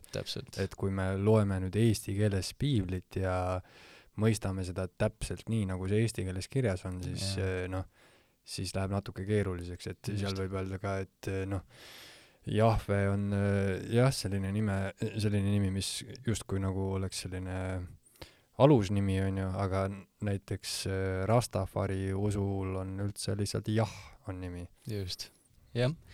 eks see ongi jah huvitav, et neid variatsioone on hästi palju nagu erinevaid ja noh, Jehova tunnistajatel on täiesti oma piibel ka, nad nimetavad seda uue maailma tõlkeks. Neil on need siis sellised äh, hallide kaantega ja nad on väga uhked selle tõlke üle, seda noh, on ka siin Eestis isegi kiidetud ka ühes raadiosaates ka aastaid tagasi, kui see tuli välja siin Eestis, ka seda niimoodi reklaamiti kergelt. Ja noh, ta on selles mõttes hea tõlge selle koha pealt, et ta on hästi tänapäevase sõnastusega ja väga kerge lugeda, aga ta on selle koha pealt halb tõlge, et äh, see tõlge on ikkagi mitte selles võtmes tehtud, et kui originaali lähedane see oleks äh, selle algkeele järgi, vaid äh, rohkem on see pool, et äh, kuidas see sobib selle religiooni õpetustega kokku ja sellest on lähtutud tõlkimisel. et selle on tõlkinud ikkagi Jehoova tunnistaja? jah. ja, ja, ja noh, nad on selle üle ka väga uhked, sest seal ei, ei ole nagu välja toodud ühtegi nime, kes on tõlkimisel osalenud mis on nagu kahe otsaga asi, et nemad võtavad seda väga hea asjana, et näed, me oleme nii annatlikud, et äh, me ei tee endale mingit nime, et kõik on jäänud anonüümseks, aga seal on jälle see pool, et kui nagu kritiseerida seda piiblit, siis äh, sa ei saa nagu väga tõsiselt võtta mingit piiblitõlget, kui seal ei ole ühegi inimese nime öeldud, et kuidas ma saan seda nagu tõsiselt võtta, kas need inimesed on üldse vastava haridusega, ma ei saa seda järgi kontrollida, sest ühtegi nime ei ole. Tegelikult et, ei olegi kunagi heebrea keelt õppinud ju. jah, et noh, seal lihtsalt tekibki nagu see pool, et äh, nad võtavad kõike nagu seda, mida organisatsioon õpetab, et see on maailma parim haridus. Ja noh, seal lihtsalt tekib nagu liiga, liiga palju probleeme. Et noh, neid valdkondi on hästi-hästi palju erinevaid, noh näiteks äh, meditsiin, kõige nagu selline skandaalsem pool just Jehova tunnistatud meditsiini koha pealt on vereülekannete keelamine. ja neil on siis selle jaoks eraldi koguduse vanemad ka, kes äh, käivad siis haiglates, noh näiteks kui on juhtunud mingi koguduse liikmega õnnetus ja on siis olukord, kus siis arstid näevad äh, kõige parema lahendusena inimese elu päästa, teha talle vereülekannet. Aga enne siis, äh, et üldse lähedased jõuavad äh, kohale, kes siis võivad ilmalikud olla ja neil oleks ka võib-olla midagi öelda selle kohta, aga nemad on siis enne neid juba kohal ja nende ülesanne on siis kindlustada see, et see inimene ei teeks vereülekannet. ehk siis isegi, kui äh, tal on surm silme ees, et ta siis ei annaks ka äh, nõrkusele järgi ja ta ikka teeks äh, siis äh, selle õige asja, et ta loobuks vereülekandest. noh, see on selles mõttes kurb, noh, ilma ilustamata öeldes tegelikult noh, seda numbrit ju ei tea tegelikult, sest statistikat pole otseselt ju peetud, aga see on väga palju noh, Jehova tunnistajad, kes surevad märtrisurma sisuliselt lihtsalt sellepärast, et äh, nende organisatsioon arvab, et äh, see on ka elust äh, lugupidamine, kui sa ei kasuta verd teise elu päästmiseks, mis on elu sümbol, mis minu arust on nagu ka loogikaviga, et kui veri on elu sümbol, siis mis saaks olla veel lugupidavam asi, kui sa verega päästad teise inimese elu. Et noh, seal on ka jällegi nagu väga ebaloogiline nagu seos, et kuidas see nagu on elu pühaduses kinnipidamine, et sa loomulikult ju päästad inimese elu siis. huvitav, mis juhtub siis, kui, kui inimene on mingis väga raskes õnnetud, õnnetuses, teadvusetu, keegi veel ei tea sellest ja arstid teevad talle vereülekande. et kas siis, kui Jehova tunnistaja üles ärkab, siis ütleb, et palun lõpetage ja tapke mind? seda kindlasti ei juhtu, aga ja noh, sellel Jehova tunnistajal endal suure tõenäosusega koguduses mingeid probleeme ka sellepärast ei teki, küll aga aga kui on... tal on valik, et arst ütleb talle, et, et näed, nüüd me peame sulle võt... verd panema no siis, siis ta peab ikka tegema selle õige asja. siis ta peab ütlema ei. just, ta peab ei ütlema, ükskõik mis olukord on äh,, isegi kui see on ainuke asi, mis päästab ta elu, ta peab ikka loobuma sellest, olgu ta laps, vana, keskealine, kes iganes, ta peab. see on nagu eh, väga kindel asi ja kui see nii-öelda tagantjärgi ära fikseeritakse kogudusvanemate poolt, et ta siis äh, ikkagi ei jäänud ustavaks ja tegi vereülekande, siis seal on kaks varianti et kui see inimene noh, vähemalt ta võib-olla suudab siis jätta mulje kogudusana, et ta nii väga kahetseb seda, siis äh, ta jääb kogudusse, aga tal võetakse mingiks ajaks mingid eesõigused ära. et äh, noh, näiteks teda sildistatakse siis inimeseks, kes ei ole just kõige parem seltskond, äh, ta ei tohi koosolekutel vastata, noh, ta võib kätt tõsta, aga lihtsalt ei küsita ta käest, et ta saaks vastata. ja, ja mõned jah, niisugused piirangud aga kui ta nagu ei suuda veenda kogudusvanemaid selles, et et ta väga-väga kahetseb seda, siis, siis ta eemaldatakse kogudusest, aga väga noh, noh üldiselt ikkagi, kui on vähegi inimlikud kogudusvanemad, siis nad ei eemalda ikkagi seda inimest. et äh, seal oleneb jah, väga-väga palju sellest, et milline on nagu see koguduse vanem inimesena.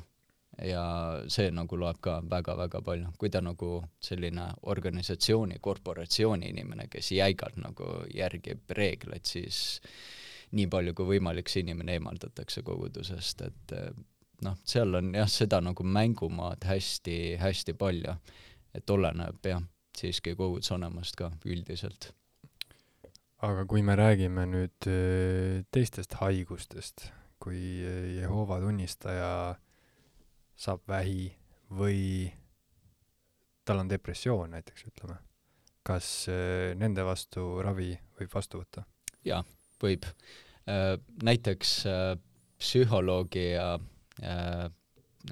terapeudi kohta on huvitav juhend antud organisatsiooni poolt, et nad ei ole keelatud otseselt, aga nad peavad ettevaatlikult äh, suhtuma psühholoogidesse, terapeutidesse, et niipea, äh, kui nad hakkavad andma sellist nõu, et sinu probleemide allikas on see nii-öelda organisatsioon siis tuleb nagu ära lõpetada. siis sa pead rakendama jälle seda enesekontrolli Just. ja ütlema, et ma ära siia tagasi ei tule. jah, täpselt.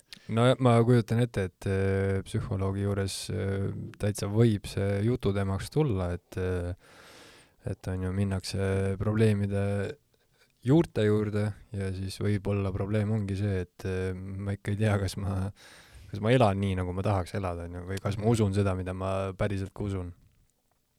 aga no märtri surmad, no see kõlab juba päris jõhkralt. et kui me räägime nüüd äh, just sellest äh, väljaheitmisest või noh, nagu sa ütlesid, on ju, et äh, väga palju sõltub sellest, kes seda juhib ja, ja selles mõttes mulle natuke meenutab see noh, sellist võib-olla natuke äärmuslikumat ettevõtet, et ettevõttes on ka, on ju, teatud reeglid, aga paratamatult oleneb sellest, kes on ettevõtte juht, et kuidas ettevõttel läheb. aga kahekümnendatest äh, tuleks nüüd välja ja räägi võib-olla sellest, kui, kui vana sa olid ja, ja mis siis juhtus, kui sul tekkis äh, tõsiselt äh, selline esimene kahtlus või tõsiselt mõte, et ma ei tea, kas ma enam tahan olla Jehoova tunnistaja? ma niimoodi kindlat sellist hetke ei oskaks öelda, aga aga see oli jah, siis kui ma olin kolmekümne aastane, kui mul hakkasid juba tõsised sellised kahtlused tekkima ja just nagu sellest vaatevinklist, et noh, ma tol hetkel veel pidasin ennast äh, kristlaseks ja ma hakkasin väga palju asju nägema, mida tehakse täiesti vastupidi, nagu Jeesus on õpetanud oota, aga mis on äh, sinu jaoks kristlase ja Jehoova tunnistaja vahe või on äh, kristlased on kõik, kes äh, tunnistavad nii-öelda piiblit ja Jumalat? Noh, tegelikult kristlaste ringkonnas Jehoova tunnistajad kristlasteks ei peeta, nad ametlikult on jah, siis kristlased, aga noh, kõige selline lihtsam, mille järgi nagu hinnata, et kas tegu on kristlastega Äh, kui täpselt nad järgivad siis Jeesuse enda õpetusi, sest äh, nagu sõnaga kristlane, Jeesus Kristus, et äh, kui täpselt nagu on siis tema sõnad autoriteet ja mis on ju väga-väga selgelt seotud sõnaga rist. just, täpselt et noh, näiteks kui Jehoova tunnistajate sekti vaadata, siis äh, seal on väga nagu selge äh, joon just see, et äh, isegi kui mingi õpetus läheb vastuollu, seda noh, seal eh, niimoodi loomulikult öelda seal organisatsioonis, et see läheb vastuollu Jeesuse õpetusega, meie ütleme nii. aga kui sa näed midagi, mis nagu Jeesus on õpetanud ühtmoodi, aga organisatsioonis tehakse teistmoodi, siis loomulikult tehakse nii, nagu organisatsioon on öelnud.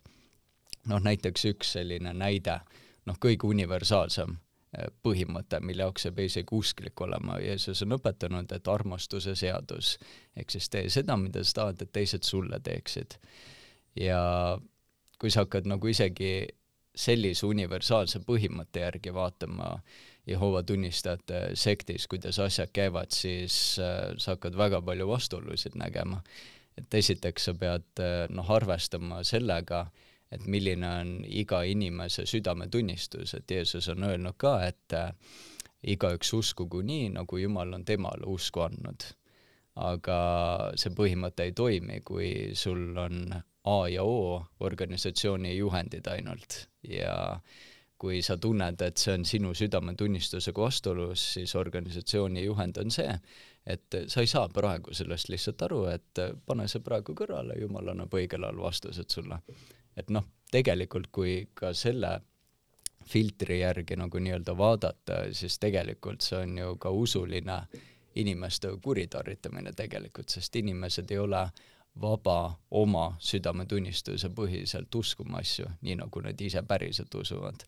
ja need uskumused ja tõekspidamised ju muutuvad tegelikult läbi aja inimesel, sest inimene kasvab isiksusena kogu aeg. Aga organisatsioonid, mis tahes usuorganisatsioonid, need ju ei arvesta sellega, kõik käib organisatsiooni tempos, no sealt tuli, kui sa enne mainisid, et, et inimestel on justkui enda selline valikuvõimalus ja otsustamine ära võetud, et nad on justkui täiskasvanud lapsed, et sealt tuleb nagu väga hea point välja, et et tõesti noh, kahekümneaastasena oled sa ilmselt öö, palju rumalam, kui sa oled, on ju nüüd kolmekümneaastasena yeah. ja, ja aga noh, usureeglid ja selle sekti nii-öelda sihuke ettekirjutus, see jääb on ju samaks. just, täpselt ja noh, seal hakkabki hästi palju neid vastuolusid alles siis nägema, kui sa mingile positsioonile saad. noh, mina olin näiteks kogudusabiline ja mul oli ligipääs ka teatud asjadel, millele igale koguduse liikmel ei olnud. ma näiteks olin see kirjandussulane, kes siis tegeles sellega, et minu vastutada oli see, et oleksid kõik äh, nii-öelda väljaanded õigel ajal õiges koguses tellitud kuulutustöö jaoks ja siis erinevad blanketid ja dokumendid, äh, mis olid siis mõeldud kogudusvanematele näiteks ainult ja nii edasi. Ja siis loomulikult ka eraldi koosolekud, mis siis olid äh, ainult mõeldud koguduse abilistele ja kogudusvanematele ja noh, siis seal sa hakkasid seda korporatiivset poolt väga palju nagu nägema, seal ei olnud sellist õhkkonda nagu peaks olema selline kristlik mõtlemisviis, et eh, püüame arvestada kõigiga ja niimoodi. seal oli alati nii, et nii, meil tulid nüüd need juhendid, me peame selles olukorras käituma nii ja naa ja nüüd äh, kohe kindlasti tehke selles olukorras nii, et oli nagu alati kogu aeg mingid juhendid, alati mingid juhendid. ei olnud väga palju nagu seda, et äh, meil on see põhimõte et nüüd me üritame rohkem nii teha, nagu et Jeesus õpetas seda või toda. et neid Jeesuse nagu õpetusi pigem kasutati just selleks, et äh, kuidagi õigustada neid juhendeid või reegleid ja see hakkas hästi palju häirima. aga kui sa räägid äh, nendest juhenditest ja reeglitest, siis äh, kui selline korporatiivne see süsteem tegelikult on, et kas näiteks Tallinna äh, Jehoova tunnistajate kuningriigi saal toimib täpselt samade põhimõtete järgi, mis kuskil, äh, ma ei kujuta ette, Elvas mingi väike, väike jupp ja kust need juhendid üldse tulevad, kas see on nagu ka globaalselt kuidagi seotud? Jaa äh,, nad on väga uhked selle üle, et ükskõik kuhu maailma nurka sa lähed, kõik toimib täpselt samamoodi igas koguduses tead, et see on nagu äh, McDonalds. just, täpselt. igal pool maitseb juustuburger samamoodi täpselt ja, ja juhendid tulevad alati siis äh, juhtivalt kogult ja juhtiv kogu siis äh, elab New Yorgi osariigis ja neil on siis omal eraldi keskus, kus nad elavad. Ja nemad siis annavad juhendeid. Ja noh, loomulikult siis äh, juhendid nad annavad esialgu edasi siis Rikon ülevaatajatele ja nemad siis juba kõikidele kogudustele, mille eest nad siis vastutavad. Ja kogudus annavad siis juba kogudusabilistele vastavalt siis teatud juhenditele, mis on äh, lubatud kogudusabiliste silmadele kõrvadele ja mis on ainult kogudusvanematele lubatud. kui sa räägid äh, nendest erinevatest nii-öelda ametinimetustest, et äh, ma saan aru, et niisugune see ringkonnavanem või ringkonna ülevaataja on kohalikul tasandil vist kõige kõrgem positsioon, on ju, et sealt alla siis on koguduse vanem ja ma ei tea, kas ringkonnavanemast saab ka veel kõrgemaks minna või mis see nagu hierarhia täpselt on äh,? hierarhia näeb umbes välja midagi sellist, et on siis alguses kogudusabiline, kogudusvanem ja ringkonnaülevaataja, see on siis rohkem nagu koguduse piires kõik nagu opereerimine. aga nüüd äh, äh aste jälle ülespoole ringkonna ülevaatajast, seal on siis eraldi vööndi ülevaatajad ja need on just rohkem nagu selle ideega pandud, et ringkonna ülevaataja hoolitseb äh, teatud koguduste eest riigisiseselt, siis on muud ülevaatajad, kes teatud riikide eest hoolitsevad ja siis on veel mingid suuremad ülevaatajad, kes siis äh, veelgi suurtemate piirkondade eest vastutavad. kas äh, Eestil on nii-öelda tipp Jehoova tunnistaja, kes kogu Eesti, Eesti kraami eest vastutab? sellist ühte inimest ei ole aga on mitmeid inimesi, äh, siis äh, samamoodi, äh, kui ma nüüd õieti mäletan, siis on eraldi ülevaatajad siis Baltikumi piires ja Skandinaavia piires, aga need võivad nüüd juba piirkonniti muutunud ka olla, sest need alates sellest ajast, kui mina täitsa väiksena olin, olid need äh, hierarhiad natukene ka teistsugused just äh, nende piirkondade suhtes. aga see on alati olnud jah, et ringkonna ülevaataja ja siis kogudusvanemad, kogudusabilised. aga kui palju on näiteks sellist asja, et äh, tava, tava Jehova, Jehova tunnistaja või noh, tavaliige, ütleme on äh, teadlik nendest, äh, nendest positsioonidest ja nendest äh, suurtest tegijatest, et kas on sellised Jehoova tunnistaja superstaarid? Nad on teadlikud küll jah, suhteliselt hästi. seda on nagu huvitav olnud jälgida, et enne seda, kui Jehoova tunnistajatel tuli välja see nii-öelda j2.org bränd, siis muutusid järsku juhtiva kogu liikmed ka näo poolest Jehova tunnistajatele täiesti tuntud äh, isikuteks. enne seda oli ainult teada mingid nimed, et mingid juhtiva kogu liikmed on ja ja nii see oligi lihtsalt, et ei olnud mingit nagu sellist äh, isiklikku äh, suhet nii-öelda nendega, aga nüüd nad on tõesti kõige rohkem just juhtiva kogu liikmed ja juhtiva kogu abilised nemad on nagu põhilised, kes on iganädalaselt enda propaganda veebilehel j2.org, neil on oma, nad nimetavad j2 broadcasting ja seal on neil iganädalased äh, saated, kus siis äh, juhtiva kogu liikmed ja juhtiva kogu abilised käivad kogu aeg läbi. ja nende ja. näod on nagu kõikidele teada. J kaks siis V siis nagu Jehovah's Witness. just, täpselt mm. -hmm ja seal siis äh, eriti nüüd koroona ajal on sellele hästi palju rõhutud, sest äh, siiamaani Jehova tunnistajad ei käi kuningriigi saalides nagu füüsiliselt kohal, nad teevad läbi Zoomi koosolekuid ja siis äh, hästi palju siis rõhutakse ka videodele, et nad vaataksid igakuist äh, J2-ise broadcasting'u kuusaadet ja siis iganädalasi erinevaid videosid, et seda äh, produktsiooni on päris nagu palju, et aktivistid, kes näiteks noh, niimoodi väga suurelt teevad äh, Jehova tunnistajate sekti vastu oma tööd, ei jõua ka kõiki neid videosid lihtsalt äh, rebuttal itena läbi võtta, sest neid on lihtsalt nii palju, nad peavad reaalselt valima, mida nad üldse peavad kritiseerima, sest seda tuleb lihtsalt nagu nii liiga palju.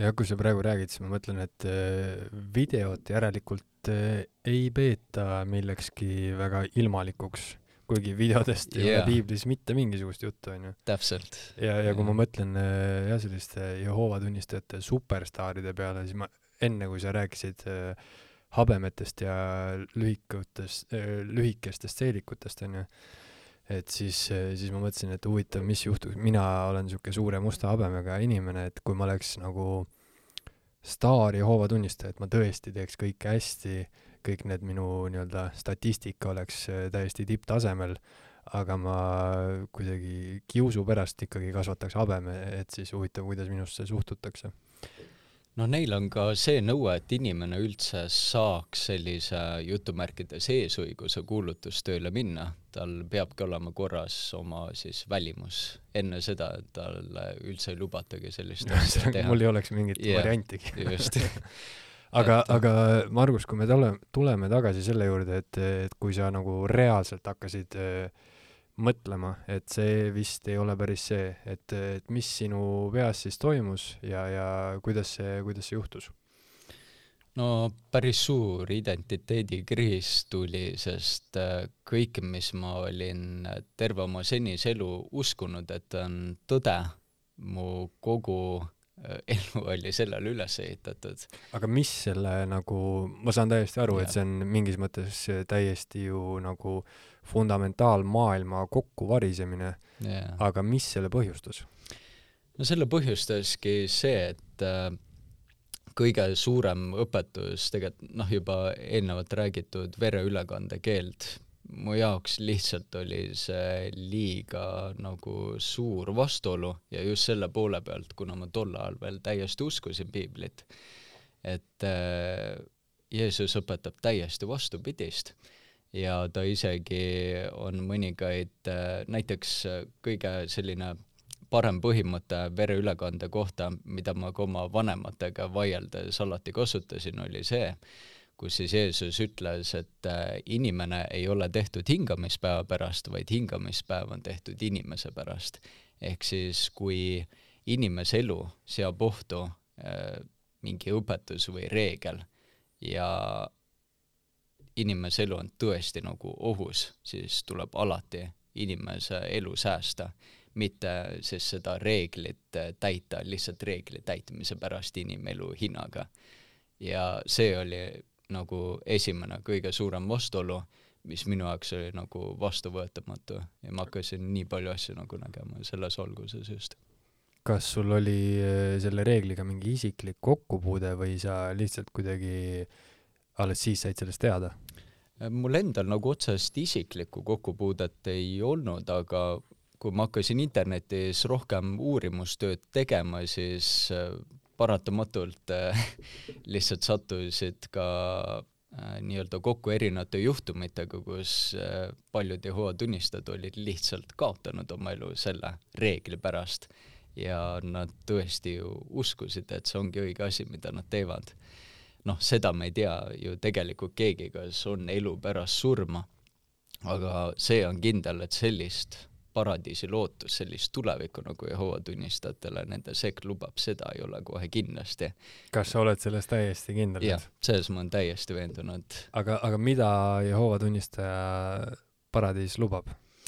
Jehova tunnistajate paradiis näeb välja selline, et kui Harmageddon on saanud läbi, siis noh, koheselt äh, Võluväel ei ole veel ilus paradiis enne seda. ütleme korra kuulajatele ka ära, mis on Armageddon? Äh, Armageddon on siis lühidalt öeldes sündmus, kus Jumal hävitab kõik inimesed, kes ei ole või ei taha olla Jehova tunnistajad ja jäävad ellu ainult ustavad Jehova tunnistajad, ehk siis hävitatakse ära ka need Jehova tunnistajad, kes on varjanud midagi teiste Jehova tunnistajate eest mingeid pattu või mingeid muid äh, äh, halbu asju, mis nad on teinud ja jäävadki ainult äh, need parimad jäävad ellu. just. et käibki nii-öelda puhastustuli mingis mõttes läbi. nii, ja mis siis äh, juhtub nendega paradiisis? Äh, paradiisis siis ustavad Jehova tunnistajad äh, hakkavad tegema ülemaailmset äh, koristustööd, kus nad siis koristavadki kõik nende inimeste jäänused ära ja kõik nagu see pool, et nad teevad selle paradiisiks nii-öelda. saavad lihtsalt koristajaks. just jube, jube kehv tulevik tundub. ja siis noh, sellest nad räägivad rohkem loomulikult, sellest ilusast poolest, et loomad kõik loomad on siis sellised, kes ei karda ühtegi inimest, nad on inimeste sõbralikud, kõik kiskjad isegi, nad ei söö enam liha, nad on taimetoidulised, mis on ka nagu väga Kiskjad, ebaloogiline. taimetoidulised? just sa saad okay. lõviga ratsutada näiteks ja pandakaruga möllata wow. ja siuke hästi utoopiline. no pandakaru on taimetoitlane aga lõvi küll ei ole, jah. just saad jaaguariga ratsutada ja, ja nii edasi, et, et selline hästi ilus utoopia, mis on maalitud Jehova tunnistajatele ja siis on ka kõigil inimestel nende visiooni järgi üks ühtne keel, ei ole võõrkeel enam, kõik mõistavad ideaalselt üksteist. ja siis loomulikult inimesed ei vanane, nad näevad siis kuskil mingi kahekümne viie aastased näiteks välja ja see toimub siis järk-järgult, et äh, kui keegi on siis äh, Harmagedooni üle elanud keskealise või vanemana, siis ta vaikselt hakkab nii-öelda äh, noorenema mm. -hmm.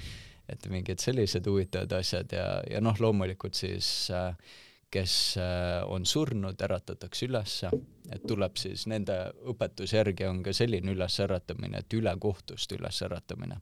ehk siis inimesed, kes ei ole saanud võimalust kuulda tõde, ehk siis Jehova tunnistajate versiooni tõest ja nad on teinud hästi palju halba, aga nüüd siis antakse neile selle ülesäratamisega võimalus.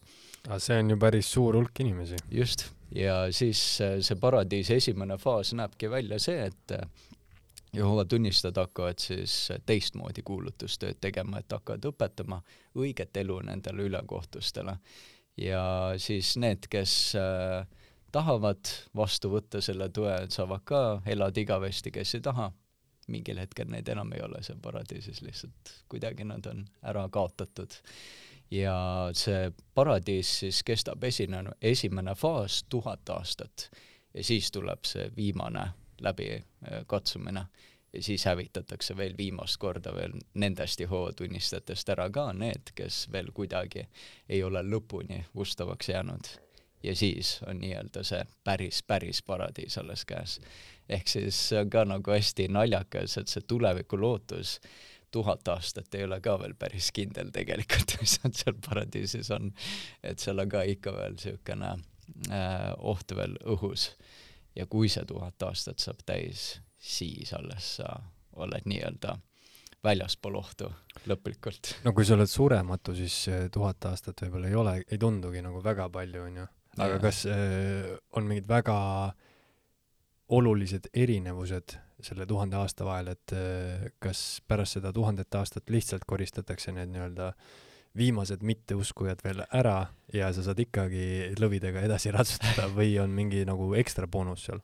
vot sellest ei ole juhtivkogu rohkem rääkinud, et praegu nad on piirdunud rohkem selle äh, tu-, esimese faasiga, kui see tuhat aastat kestab, et siis on küll koristamist, aga kas siis äh, on koristamist ka, kui see tuhat aastat on läbi, et äh, siis äh, võib-olla varsti saab uut valgust, nagu juhtivkogu ütleb, et kui mingi uus õpetus või selginemine tuleb. Huvitav on see, et enne sa mainisid, et see seitse päeva ei ole väga nagu äh, väga selgelt ära määratletud, aga see tuhat aastat on üsna selge number, eks ju? jaa, täpselt. ja see on ka noh, üks näide, kuidas Jehova tunnistajate sekt võtab väga sõna-sõnalt. ilmutusraamat on nagu selline hästi huvitav raamat nagu naljatades just äh, ateistidest ja agnostikutest, endiste Jehova tunnistajatega viskame nalja, et see inimene pidi päris äh, pilves olema, kui ta selle raamatu kirjutas. et nagu lugeda äh, algusest lõpuni ilmutusraamat läbi, siis seal on noh, ikka väga palju segaseid asju ja kui sa nagu veel sealt hakkad mingeid erinevaid äh, tulevikulootuseid ja mingeid ennustusi ja mingeid asju sealt veel välja leiutama, et sealt tuleb ikka väga siukest sõgedat asja aga kusjuures sellel teoorial ei ole nagu või noh see ei ole nagu täiesti, täiesti õhust võetud, et eh, no räägitakse mingisugusest äh, maagilisest põõsast, onju, kust äh, siis äh, üldse said alguse kümme käsku. mina ei ole kahjuks piiblit lugenud, kas, kas sina oled piibli läbi lugenud? jah, mm, kohe päris mitu korda. päris mitu korda? kuus-seitse korda umbes mm. -hmm. et ja, kui sa ütled, et sa oled nüüd agnostik, et noh, kindlasti ei saa, on ju, piiblit äh, tõesti maha kanda, et äh, kõige parem äh, või noh, mina tean piiblit nii palju, et ma tean erinevaid lugusid sealt, on ju, võib-olla kuulsamaid lugusid.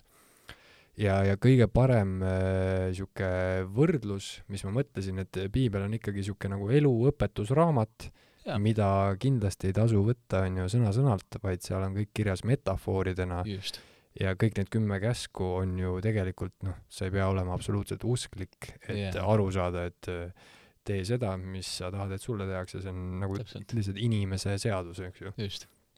aga kõige parem näide, mis ma sellest kuulsin, oli, oli see lugu, kui äh, kes see tüüp oli, kelle neelas vaal äh, enda kõhtu. mitte Noa, aga kas ei olnud mitte Joona? vot nüüd ma ei ole juba mingi aasta aega piiblit lugenud, nüüd juba nimed on vaikselt meelest läinud. vist, vist Joona oli Joona. jaa, oli Joona. vist oli Joona. ja sellest ma kuulsin kunagi, vist vaatasin mingisugust loengut, ühe professori hästi huvitav selgitus selle loo nagu metafoorsele tähendusele oli see, et et kui vaal neelab su kõhtu, onju, ja see lugu läheb siis niimoodi, et et põhimõtteliselt vist Joona, Jumal käskis Joonal, ma ei tea, kas enda poeg hukatusse saata või, või midagi rasket teha, ma päris Jah. kindel ei ole.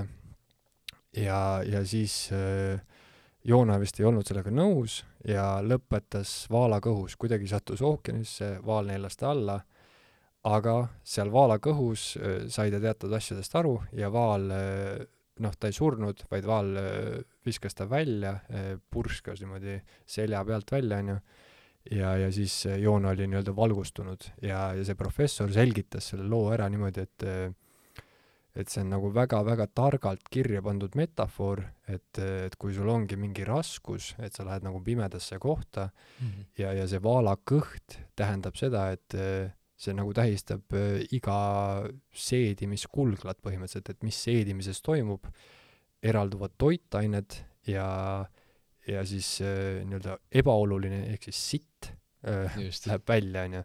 ehk siis noh, põhimõtteliselt oluline eraldub ebaolulisest, et sa Jaa. saad nagu aru, mis on oluline ja mis on ebaoluline, et see noh, kõhu nii-öelda alla neelamine, see tähendabki nagu seda, onju et see ongi niisugune eneseotsimise tee. Et kui ma seda selgitust kuulsin, siis ma mõtlesin, et noh, et piibel on ilmselt nagu väga-väga tark raamat, mis on lihtsalt yeah. mõeldud nagu, nagu nii-öelda ridade vahelt lugemiseks, mitte on ju Just. täpselt on ju tõlgendamiseks sõna-sõnalt. jah, ja noh, sektid üleüldse ongi nagu hea näide sellest, et kui sa hakkadki sõna-sõnalt nagu kõike sealt võtma piiblist ja ei kasuta neid metafooridena, mis nagu juhtub, noh, neid näiteid on ju nii palju erinevate sektide näol. no kõige, üks, üks jaburamaid, mis ma olen lihtsalt näinud ka mingisuguses dokfilmis, on see see sekt, kus äh, võetakse piibli sõnu sõna-sõnalt ja vist oli see, et äh, nagu kui sa usud, siis maomürk sind ei tapa ja inimesed lasevad ennast äh, salvata mürkmadudel, kobradel ja siis vaatavad, et mis saab ja kui sa ära sured, siis sa ilmselt oled nagu noh, lihtsalt halb äh, jumalateener. nõrk usk on täpselt, täpselt.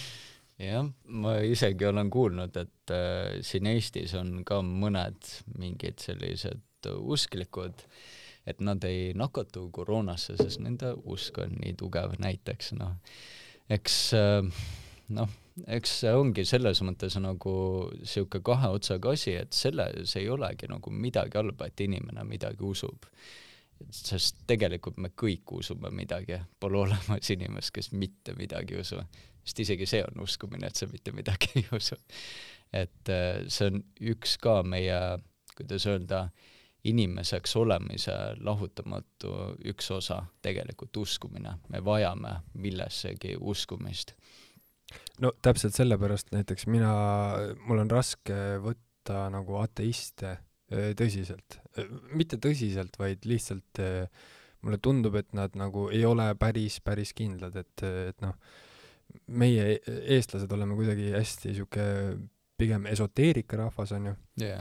ja me usume, ma ei tea, kivitükkidesse ja, ja puuhäältesse pigem rohkem kui, kui võib-olla sellistesse noh, Jehovadesse või, või sellesse onju aga, aga hästi keeruline on võtta inimest tõsiselt, kes ütleb, et ta ei usu mitte midagi nagu. jaa, eks ongi, ma ise leian ka, et noh, tegelikult äh, kui olles agnostik, siis äh, see on täiesti okei okay öelda, et ma ei tea, kuidas nagu asi on. no nii palju ma olengi agnostikutest aru saanud, et agnostikute väide kõigele on see, et ma ei tea. Jah, ja ma ei välista mitte midagi. just, ja see ongi tegelikult äh, noh, kuidas sa saad teha põhjapanevaid järeldusi asjast, mille kohta sa ei saa noh, tegelikult ühte ega teist põhjapanevalt väita. ja see jätab sulle tegelikult noh, väga palju valikuid lahti avastamiseks ja elu ongi avastamiseks tegelikult ja me ei saagi enne midagi teada või uskuda, kui me ei avasta ja elu on pidev avastamine. Aga kui sa oled näiteks sektis, siis see pärsib noh, tohutult tegelikult avastamist, mis on jällegi üks äh, lahutamatu osa inimeseks olemisest. sa pead kogu aeg midagi uut juurde õppima, avastama uusi asju, katsetama. eksimine on samuti täiesti loomulik osa sa ei saa midagi selgeks, kui sa ei eksi ja ei puru nii-öelda. Ja eksimiseks saab ju nimetada mingisse asjasse nagu täiesti vale usku, et ma uskusin mingisse asjasse, kasvasin, sain vanemaks, targemaks, nüüd ma enam sellesse ei usu, onju. aga kui me tuleme nüüd tagasi selle juurde, et äh, sinu no sellised suuremad kahtlused said alguse, on ju, sellest äh, vereülekande reeglist, et äh, kuidas see siis sinu sektist välja astumine välja nägi, et kui, kui kaua olid sa see ma ei mäleta, mis see sõna oli. Pimo. Pimo, jah. see. mental out. Äh, ma olin äh, umbes aasta aega niimoodi äh, Pimo, ehk siis ma mängisin edasi Jehoova tunnistajat, ma isegi hakkasin teatuid koguduse ülesandeid ja asju aktiivsemalt tegema kui kunagi varem lihtsalt selle mõttega, et mitte kahtlust äratada mitte kellegis ja täielik nagu salaagent põhimõtteliselt. jah, põhimõtteliselt mm. -hmm. ja see oli nagu väga sürreaalne kogemus, olles kogudusabiline, kes äh, viib läbi lava peal erinevaid programmi osi ja samal ajal ei usu seda. ja noh, mingis mõttes see kuidagi tegi olemise kergemaks seal, et ma vähemalt üritasin mõnedes kõnedes sisse poetada selliseid kahemõttelisi asju, mida ei saanud keegi võtta, isegi kogudusvanematest niimoodi, et oota, nüüd hakkab midagi siin väga kahtlast lava peal toimuma. et inimene, kes nagu seal äh, nii-öelda saalis Jehoova tunnistajana oli kahtlustega, see oli talle piisav, et panna mingi mõttejada tal käima. ja seda ma nagu Äh, mingis mõttes nautisin, see aitas kuidagi võib-olla leevendada seda olukorda. aga see oli ka noh, selles mõttes ajutine ikkagi, sest äh, ma panin väga varakult enda paika, et üks aasta maksimum ja ma seal rohkem lihtsalt ei ole ja noh, tagasi vaadates ma oleks võinud seal maksimaalselt pool aastat olla. aga see... kuidas sa selle endale paika panid, et kas sul ei tekkinud nagu sellist mingisugust äh, no ma ei tea, kui, kui ma kuidagi loogiliselt proovin selle peale mõelda, onju, siis eh, mulle meeldib eh, paralleele tuua ja ütleme, et eh, see usk oli see, mis nagu pettis sind põhimõtteliselt. Ja ütleme, kui ma toon paralleeli sellega, et kui keegi sind väga tugevasti petab, onju, siis tekib sihuke ikkagi nagu paratamatult sihuke vihareaktsioon ja, ja kohe tahaks kõik saata kuhu iganes perse minema, kohe kõik kõik sillad põlema nii-öelda. jaa, ainuke asi, mis seda takistaski teha, oligi jälle noh, see, miks väga paljud inimesed on lausa aastakümneid Jehova tunnistajad, kuigi nad ei usu, et nende lähedased on äh, täiesti uskuvad Jehova tunnistajad ja emotsionaalselt lihtsalt ei olda valmis selleks, et äh, ilma jääda päevapealt nendest. et äh, inimesed on erinevad on väga palju, kes on lihtsalt lõpuks enesetapu teinud, nad on olnud mõni aasta eemal ja nad ei suuda lihtsalt taluda seda, et pereliikmed on nad täiesti välja heitnud oma elust. lihtsalt sellepärast, et nad ei usu enam seda organisatsiooni ja võib-olla isegi on neil jultumust lausa isegi kriitiliselt rääkida selle organisatsiooni vastu. ja Eestis ma tean ikka väga palju Jehova tunnistajad, kes ongi reaalselt lihtsalt oma pereliikmete pärast seal. ja mulle tuleb ikka igakuiselt siiamaani veel kirju mõnelt Jehova tunnistajalt, kes lihtsalt äh, vendib mulle oma olukorrast, et ta ei tea, kui kaua ta lihtsalt suudab. mis see tähendab täpsemalt? et mis, mis see sõna ventimine tähendab? et ta ajab lihtsalt tauru välja tal aa, ei ole tegelikult, jah, reaalselt tal ei ole ka rääkida kellelegi sellest, sest äh, see paranoia, mis inimesel ka selles olukorras on, on tegelikult päris suur, ma mäletan ise ka, kui ma olin niimoodi Pimo, siis äh, noh, ma ei julgenud tegelikult mitte kellelegi rääkida, ma ei julgenud alguses isegi oma terapeudile rääkida, aga ma olen väga õnnelik, et ma lõpuks seda tegin. Sest... aga tol hetkel sa juba järelikult käisid terapeudi juures, eks? jah, ma mhm. käisin terapeudi juures, sest noh, ma otsustasin seda alles siis teha, kui ma olingi lõpuks sellises seisus, kus mul oligi kaks valikut. kas ma tulen ära Jehova tunnistajate sektist, jään päevapealt kõikidest oma pereliikmetest ilma mis oli mu jaoks väga raske, aga teine variant oli see, et ma ei suuda niimoodi ka elada, et ma olen Jehova tunnistaja, et siis ma teen lihtsalt enesetapu ja need kaks varianti mul olid ja siis ma läksin lõpuks terapeudi juurde. ja see, see nagu samm aitas mu sealt august välja, sest ma olin päris selline suitsiidne ja, ja ma nagu pikka aega ei näinud üldse nagu mingit variantigi, kuidas sealt ära saada, sest see tundus nii äh, talumatu valuna, et ma jään oma emast, isast, õdedest, vendadest ja tädist ilma, kellega ma olen nagu terve elu hästi lähedane olnud. ja see šokk nagu alguses, kui ma noh, sain teada, et kõik see on nagu vale siis, siis see oli ikka väga-väga noh, raputav kogemus, et ma hakkasin noh, kuna ma otseselt ei julgenud niimoodi ennast kohe nagu ära tappa, siis ma hakkasin lihtsalt äh, igapäevategevustes lihtsalt asju hooletult tegema, lootuses, et ma suudan ennast kuidagi nii ära tappa, et ma, et see tuleb mulle kuidagi ootamatult kas või näiteks eirata punast tuld ja lootes auto lihtsalt sõidab mu surnuks ja ongi kõik see läbi näiteks. et siuksed asjad, et äh, ja noh, tegelikult selliseid inimesi on väga palju isegi siin Eestis Jehova tunnistajate seas, kes on reaalselt sellises olukorras. ma isiklikult tean nii mitutki Jehova tunnistajat, kes on kas näiteks lesbi või gei, aga see on ju keelatud Jehova tunnistajatel ja nad peavad sisuliselt mängima inimest, kes nad ei ole, isegi oma seksuaalorientatsiooni koha pealt ja nad on isegi abielus. ja see nagu on minu arust isegi mitmekordselt äh, hullem olukord, mis mul oli. mul ei olnud äh, noh, seda olukorda, et ma olen abielus inimesega, keda ma armastan tohutult, aga ta on aju loputatud ja ma tean, et ma jään tast ilma, kui ma tulen ära sealt sektist ja, või siis see olukord, et äh, sa oled gei või lesbi ja sa lihtsalt pead mängima ennast oma lähedaste pärast. aga minu jaoks lõpuks oligi olukord see, et äh, tegelikult need pereliikmed, keda ma kardan kaotada, ma lõpuks noh, võtsin seda sellena, et ma olen nad tegelikult ammu juba kaotanud, sest äh, kui ma pean mängima neile inimest, kes ma tegelikult ei ole, siis need sillad on tegelikult ammu juba põletatud, lihtsalt see on minu illusioon, et ma kaotan nad.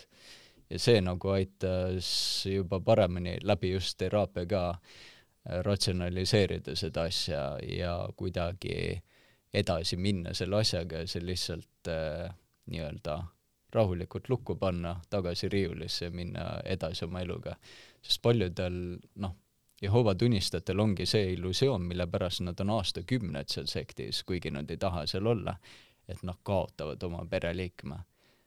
Tegelikult nad sellest hetkest võib öelda, et nad jäidki oma pereliikmetest ilma, kui nad said teada, et see on tõde, sest nad tulid ise ajuloputusest välja. ja no see on, see on nagu noh, jah, mitte ainult Jehova tunnistajatega, et ja. võib ju isegi mõelda äh, mingisuguse abielu peale, kus tegelikult inimene Just. ei taha olla, aga on äh, harjumusest, elukorraldus on yeah. nii, lapsed on juba, kõik on koos tehtud, et sekt on lihtsalt nagu suuremal määral selle, selle yeah. asja nii-öelda väljendus, eks ju. Yeah..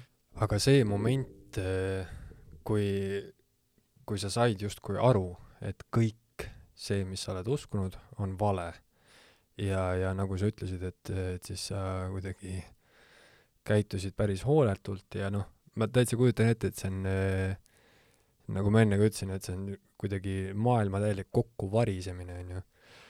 kas äh, oli ka mingi väga-väga konkreetne selline tõuge selle jaoks, kus sa tõesti kuidagi enda peas käis mingi sihuke plõks, et, et ma vist ei taha olla Jehoova tunnistaja? Äh, ma niimoodi kom-, konkreetset klõpsu ei mäleta, aga aga mul on väga selgelt äh, siiamaani, nagu see oleks olnud eile äh,, kui ma olin ühel suvisel Jehoova tunnistajate kokkutulekul. see oli nagu esimene niisugune moment, kus ma noh, alati hakkab neid programme sissejuhatava lauluga ja seal suvise kokkutulek on ikka kuskil mingi neli tuhat inimest kohal ja tõuseme kõik püsti, hakkame laulma ja siis ma lihtsalt vaatan kõiki neid inimesi ja mida ma teen, see on nagu ja sa ei tahtnud nagu, olla seal enam? ma ei tahtnud seal olla ja see oli nii veider, ma pole kunagi äh, nii suurt rahva hulka vaadanud sellise pilguga, et issand, nad on kõik nagu mingi hüpnoosi all lihtsalt täiesti uskumatu nagu. et see nagu on mul siiamaani nii selgelt meeles, et see, see oli nagu täiesti sürreaalne kogemus selles mõttes, et ma väga paljusid inimesi seal noh, teadsin ikkagi ja neid oli nii veider vaadata, nagu nad oleks tõesti mingi loitsu või hüpnoosi all lihtsalt, et no sa ütled eh, neli tuhat inimest, et eh, oled sa kursis üldse, kui palju Eestis Jehoova tunnistajaid on? Äh, ma nüüd täpselt ei oska öelda, aga eesti keele, eestikeelsed Jehoova tunnistajaid, kas äkki ongi niimoodi kolm tuhat midagi, midagi sinnakanti. Aga nad on üldiselt väga sellised täpsed oma statistika koha pealt, oma jät-, j2.org lehe peal, ma nüüd seal ei ole enam väga pikka aega käinud aga neil peaks olema need numbrid täitsa isegi olemas. ülemaailmselt on neid kokku kaheksa koma kuus miljonit.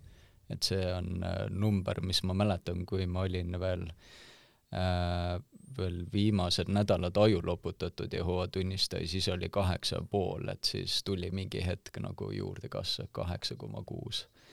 aga see juurdekasv ja kõik nagu need numbrid, et kui palju neid on, et see on noh, niisugune suhteliselt illusioon, sellepärast et see on vägagi stagneeruv äh, sekt.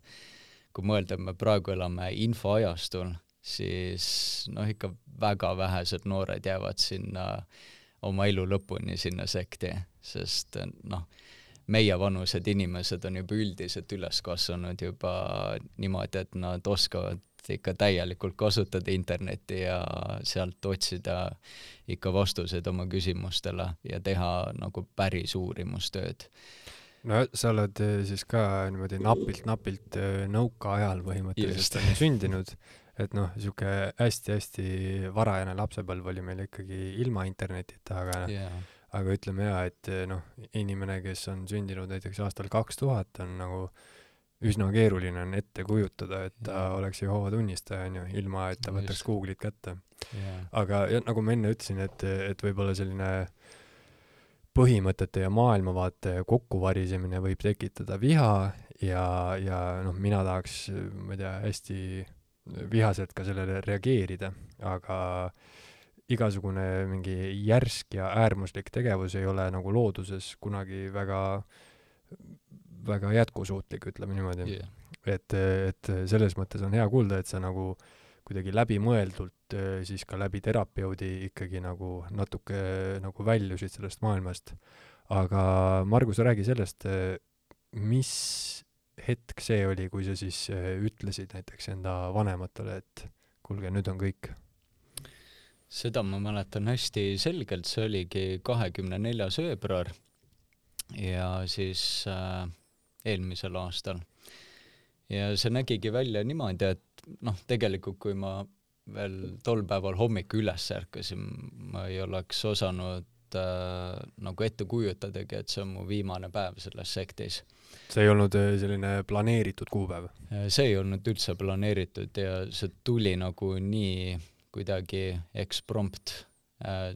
see oli kusagil õhtu kella kaheksa ajal, midagi sellist, ja siis jälle üks selline järjekordne õhtu, kus läks ema ja isaga vaidlus hästi selliseks tuliseks ja siis tol hetkel me siis vaidlesime just selle pedofiilia juhtumite kinnimätsimise üle ja ja kõik see teema.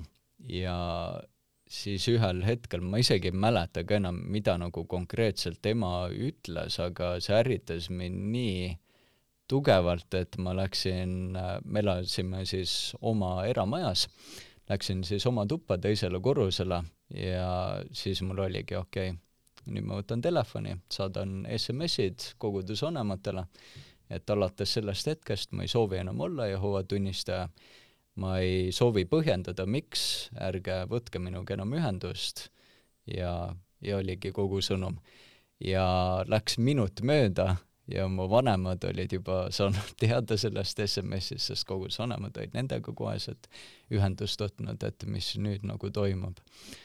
Ja siis äh, ma olin seal oma voodis, oma toas ja siis tuli alguses ema Äh, hüsteeriliselt nuttis mu juures, et palun ära tee seda, et me ei saa sinuga enam suhelda, siis äh, et, et mõtle nüüd korralikult järgi ja ära keskendu inimeste vigadele, et juhtiva kogu liikmed on ka inimesed ja ebatäiuslikud.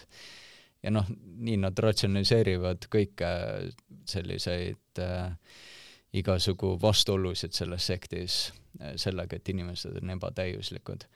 ja siis äh, tuli isa, kes oli maruvihane täiesti äh, ja üritas mulle mõistes pähe panna, kuule poiss, mida sa nüüd siin mõtled, et tead sa ka, mida sa oma emale teed praegu ja ja, ja ära nüüd niimoodi rabista ja kõike ja siis äh, nad leppisid minuga vestluse kokku, et ma veel läheks koguduse vanematega vestlema, et nad suudab mulle äkki mõistuse pähe panna. ja siis ma olin nõus, et noh, okei okay,, vahet ei ole, et ma siis äh, lähen, noh, see oli suht nagu emotsiooni pealt, et kuna ma olin lihtsalt nagu nii vihane, et ma okei okay,, ma siis lähen koos vanematega vestlema, vaatame, mis nad siis üritavad seal teha ja siis see oli kuskil peaaegu kaks tundi pikk vestlus äh, kogudusvanematega ja ja need kogudusvanemad, kes minuga vestlesid, nad on hästi toredad inimesed, nagu väga head inimesed ja selles mõttes oli nagu nii kahju, et mul ei ole nende inimeste vastu nagu absoluutselt mitte midagi. Mina võiks nendega täiesti vabalt edasi suhelda, aga kuna see sekt keelab, siis nad lihtsalt ei saa minuga edasi suhelda. Ja kogudusvanemad üritasid ka siis rohkem põhjendada sellega, et et äh, ära pea vimma inimeste üle, et äh, sina oled ka ebatäiuslik ja me peame teistele andestama ja kõik ja aga ma lihtsalt korra täpsustan üle, et et see selline vihane impulss, eh, mis tuli sul siis sellest eh, vaidlusest mingi mm -hmm. konkreetse pedofiilia juhtumiga, onju yeah., et kas need inimesed, kelle üle te vaidlesite, kas need on eh, mingisugused Eesti inimesed, keda te mõlemad teadsite? ei, see oli üks USA-s olnud juhtum, mis ma Aha. lihtsalt vanematele näitasin, et, et kas see nüüd on ka väljamõeldis ja nii edasi ja noh, loomulikult kõike nagu selliseid kriitilisi asju põhjendatakse alati seal sektis kahte moodi, et kas see on väljamõeldis või kui see ongi tõde, siis see on äh, erandjuhtum, et selliseid asju üldiselt ei juhtu, et äh, see on lihtsalt niisugune väike erand ja meedia lihtsalt puhub sellest hästi suure mulli välja. aga seoses nende pedofiilia juhtumitega ongi lihtsalt see nagu hästi äh, noh, kuidas öelda, irooniline, et äh, kuigi nad väidavad, et neil on tõde, siis äh, siiamaani on nõus Jehova tunnistajate organisatsioon äh, maksma Ameerika Ühendriikides kohtule siiamaani valuraha selle eest, et nad ei annaks välja siis nimekirja pedofiilidest, kes nende sektis on. et nad on pigem valmis maksma kohtule trahvi kui välja andma seda eh, nimekirja. ja siiamaani see võitlus käib veel Ameerika Ühendriikide kohtute vahelt, et see nimikiri antaks välja üks dokumentaal, mis, kui ma nüüd õieti mäletan, oli kuskil aasta tagasi välja tulnud, mis just ainult keskenduski pedofiilia juhtumitele ja just sellele salajasele nimekirjale. selle dokumentaali nimi on The Witnesses ja seal siis üks advokaat ka, kes esindab seal kahte nii-öelda endist Jehova tunnistajat, kes on pedofiilia juhtu nii-öelda ohvrid, siis advokaat on näinud tervet seda nimekirja ja see nägu sellel advokaadil, tal oli nutumaik suus ja ta lihtsalt kaamera ees pidi ütlema, et ma ei saa öelda nende inimeste nimesid, aga, aga ma võin kinnitada, et neid on väga palju seal.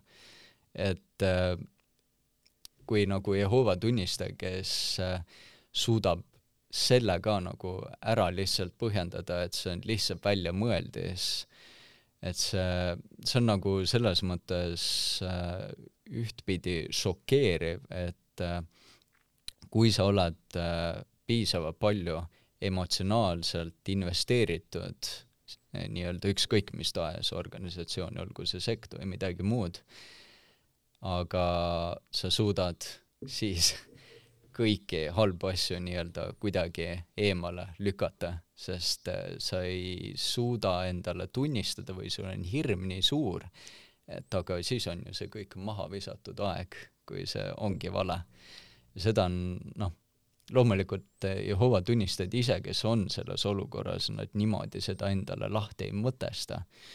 Aga see on jah, lihtsalt kurb nagu jälgida, kuidas nii nagu toredaid inimesi ühelt küljelt äh, nende elu raisatakse ära ja samal ajal pannakse uskuma, et äh, kui suur teene on neile veel osutatud sellega, et neil on nii mõttekas elu.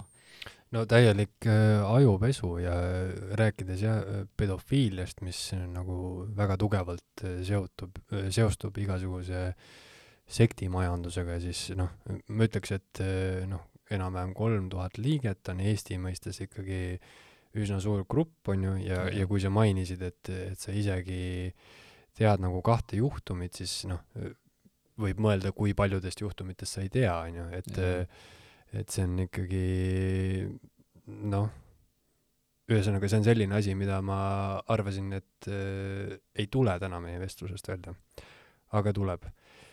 Aga ma tahaks küsida sinu käest äh,, kui sa nüüd äh,, sa saatsid selle sõnumi, sul oli see vestlus, su vanemad olid väga endast väljas mis siis äh, nagu juhtuma hakkas, kui sa nagu reaalselt äh, välja astusid sellest sektist, et, et kas sa nagu otsisid endale Tallinnas elukoha, kas äh, sa suhtled vanematega, ka mis sinu elus muutuma hakkas? ma olin kuskil veel ütleme paar kuud, kaks-kolm kuud veel pärast seda, kui ma tulin sektist ära, veel elasin vanemate juures ja ma sisuliselt olingi nagu kummitus oma kodus äh,. mulle ei öeldud tere vastu, mitte midagi, mul lihtsalt, mind nagu ei eksisteerinudki seal majas. Te mitu kuud ei suhelnud omavahel, kuigi te elasite ühes majas? jah, äh, mõned erandjuhtudel äh, ema mõnel juhul lihtsalt noh, tuli mingeid siukseid asju küsima, et kas sul on, ma ei tea, vaja seda midagi süüa või ma ei pigem tea, mingid kas... Äh, praktilised küsimused, mitte nagu isiklikku suhet mitte midagi ei olnud nagu mitte selline pealt. teema arutamine või, või et sind proovitaks kuidagi tagasi, tagasi võita? ei, kõik nagu oli selles mõttes äh, juba lukus, mind ei üritatud ka nagu enam ümber veenda. no see, see paar kuud võis päris, päris imelik olla, kui sa oled elanud kogu oma elu, on ju, vanematega ja nendega suhelnud normaalselt ja noh, see oli selline periood ka, kui ma paar-kolm kuud olin niimoodi äh, perega koos niimoodi sellises olukorras, siis äh, noh, psüühilisele tervisele see mõjus ka päris rängalt, ma noh, ikka oli vahest mitu päeva, kui ma ei tulnud oma toast lihtsalt välja, sest mul lihtsalt ärevus oli nii suur ja see lihtsalt tundus juba nii suure eneseületusena, et ma pean neid niimoodi nägema, et nad mind eiravad. Ja siis sa oledki niimoodi mitu päeva oma toas, käid võib-olla kähku, võtab midagi, teed endale süüa, jooksed oma tuppa tagasi ja mõned päevad olid lausa sellised, kus äh, ei liikunudki üldse oma toast välja ja noh, ei ole just kõige ilusam vaatepilt, aga lihtsalt öö, äh, oma toas kuseb pudelitesse lihtsalt ja siis eksisteerid oma voodis. et öö, äh, see mõjus päris öö, rängalt. Aga... sa olid nagu ikkagi noh, täiesti, täiesti ära lõigatud, ütleme yeah., kuigi sa elasid, on ju, vanematega koos. jah, ja noh, ma tol ajal käisin veel tööl ja põhimõtteliselt ma käisingi väljas ainult äh, töö pärast, et mis kuna... Äh, tööd sa tegid? Äh, tol ajal ma olin turvatöötajana ja siis noh, see oligi väga selles mõttes huvitav olukord, et noh, kuna turvatöötaja töö on ka selline suhteliselt pingeline, siis minu jaoks sellises olukorras tundus täiesti nagu puhkusena kui ma sain tööl olla? ma olen äh, töötanud turvatöötajana ja ma kestsin seal umbes kuu aega ja ma ütlen ausalt, et ma olen teinud elus igasuguseid töid. ma äh, olen olnud, äh, teinud burgereid, kebaabi valmistanud, olnud turvatöötaja, vetelpäästja, noh, mida iganes, mida mm. ma teinud ei ole. aga turvatöötaja töö oli minu jaoks kõige jubedam ja kui sa ütled mulle praegu, et see oli nagu puhkus sinu jaoks, siis ma nagu natuke mõistan sinu sinu on ju olekut tol perioodil. jaa. ja noh, siis see oligi see hetk ka, kui noh, lihtsalt oli ka suureks abiks see, et ma veel sain teraapias käia. Et see nagu põhimõtteliselt oligi see koht, kus ma sain lihtsalt rääkidagi kõigest, millest ma ei saanud nagu isegi oma pereliikmetega rääkida. ja ma olen nagu suhteliselt kindel, et kui ma ei oleks teraapias äh, käima hakanud, siis ma oleks ühel hetkel lihtsalt teinud enesetapu ja sellega oleks asi nagu lõppenud. aga sa tol, tol perioodil nagu mõtlesid täitsa reaalselt ikkagi sellele? jah, ma täitsa tõsiselt nagu mõtlesin ja ühe korra ma isegi üritasin oma toas äh, võtta siis äh, terve peo äh, valuvaigisteid, mille pärast mul oli lihtsalt mitu päeva lihtsalt äh, nii paha olla ja mul oli niisugune tunne, et ma suren tõesti ära, aga aga ei aga põhimõtteliselt midagi. võib ju seda nimetada ikkagi ja. katseks, on ju? jaa. et et see olukord oli ikkagi üsna talumatu nagu. jaa. ja noh, see nagu selles mõttes oli olukord, kus tõesti noh, sa oled suitsiidne su pereliikmed ei suhtle sinuga ja siis see hetk, kui ma läksingi kodunt ära, ma olin veel siis pärast seda mõned kuud oma vanaema juures, kes ei ole Jehoova tunnistaja. elasin siis tema juures ja siis ma hakkasin ka juba rohkem oma aktivismiga tegelema, ma tegin oma Youtube'i kanali, hakkasin erinevaid kriitilisi videosid tegema.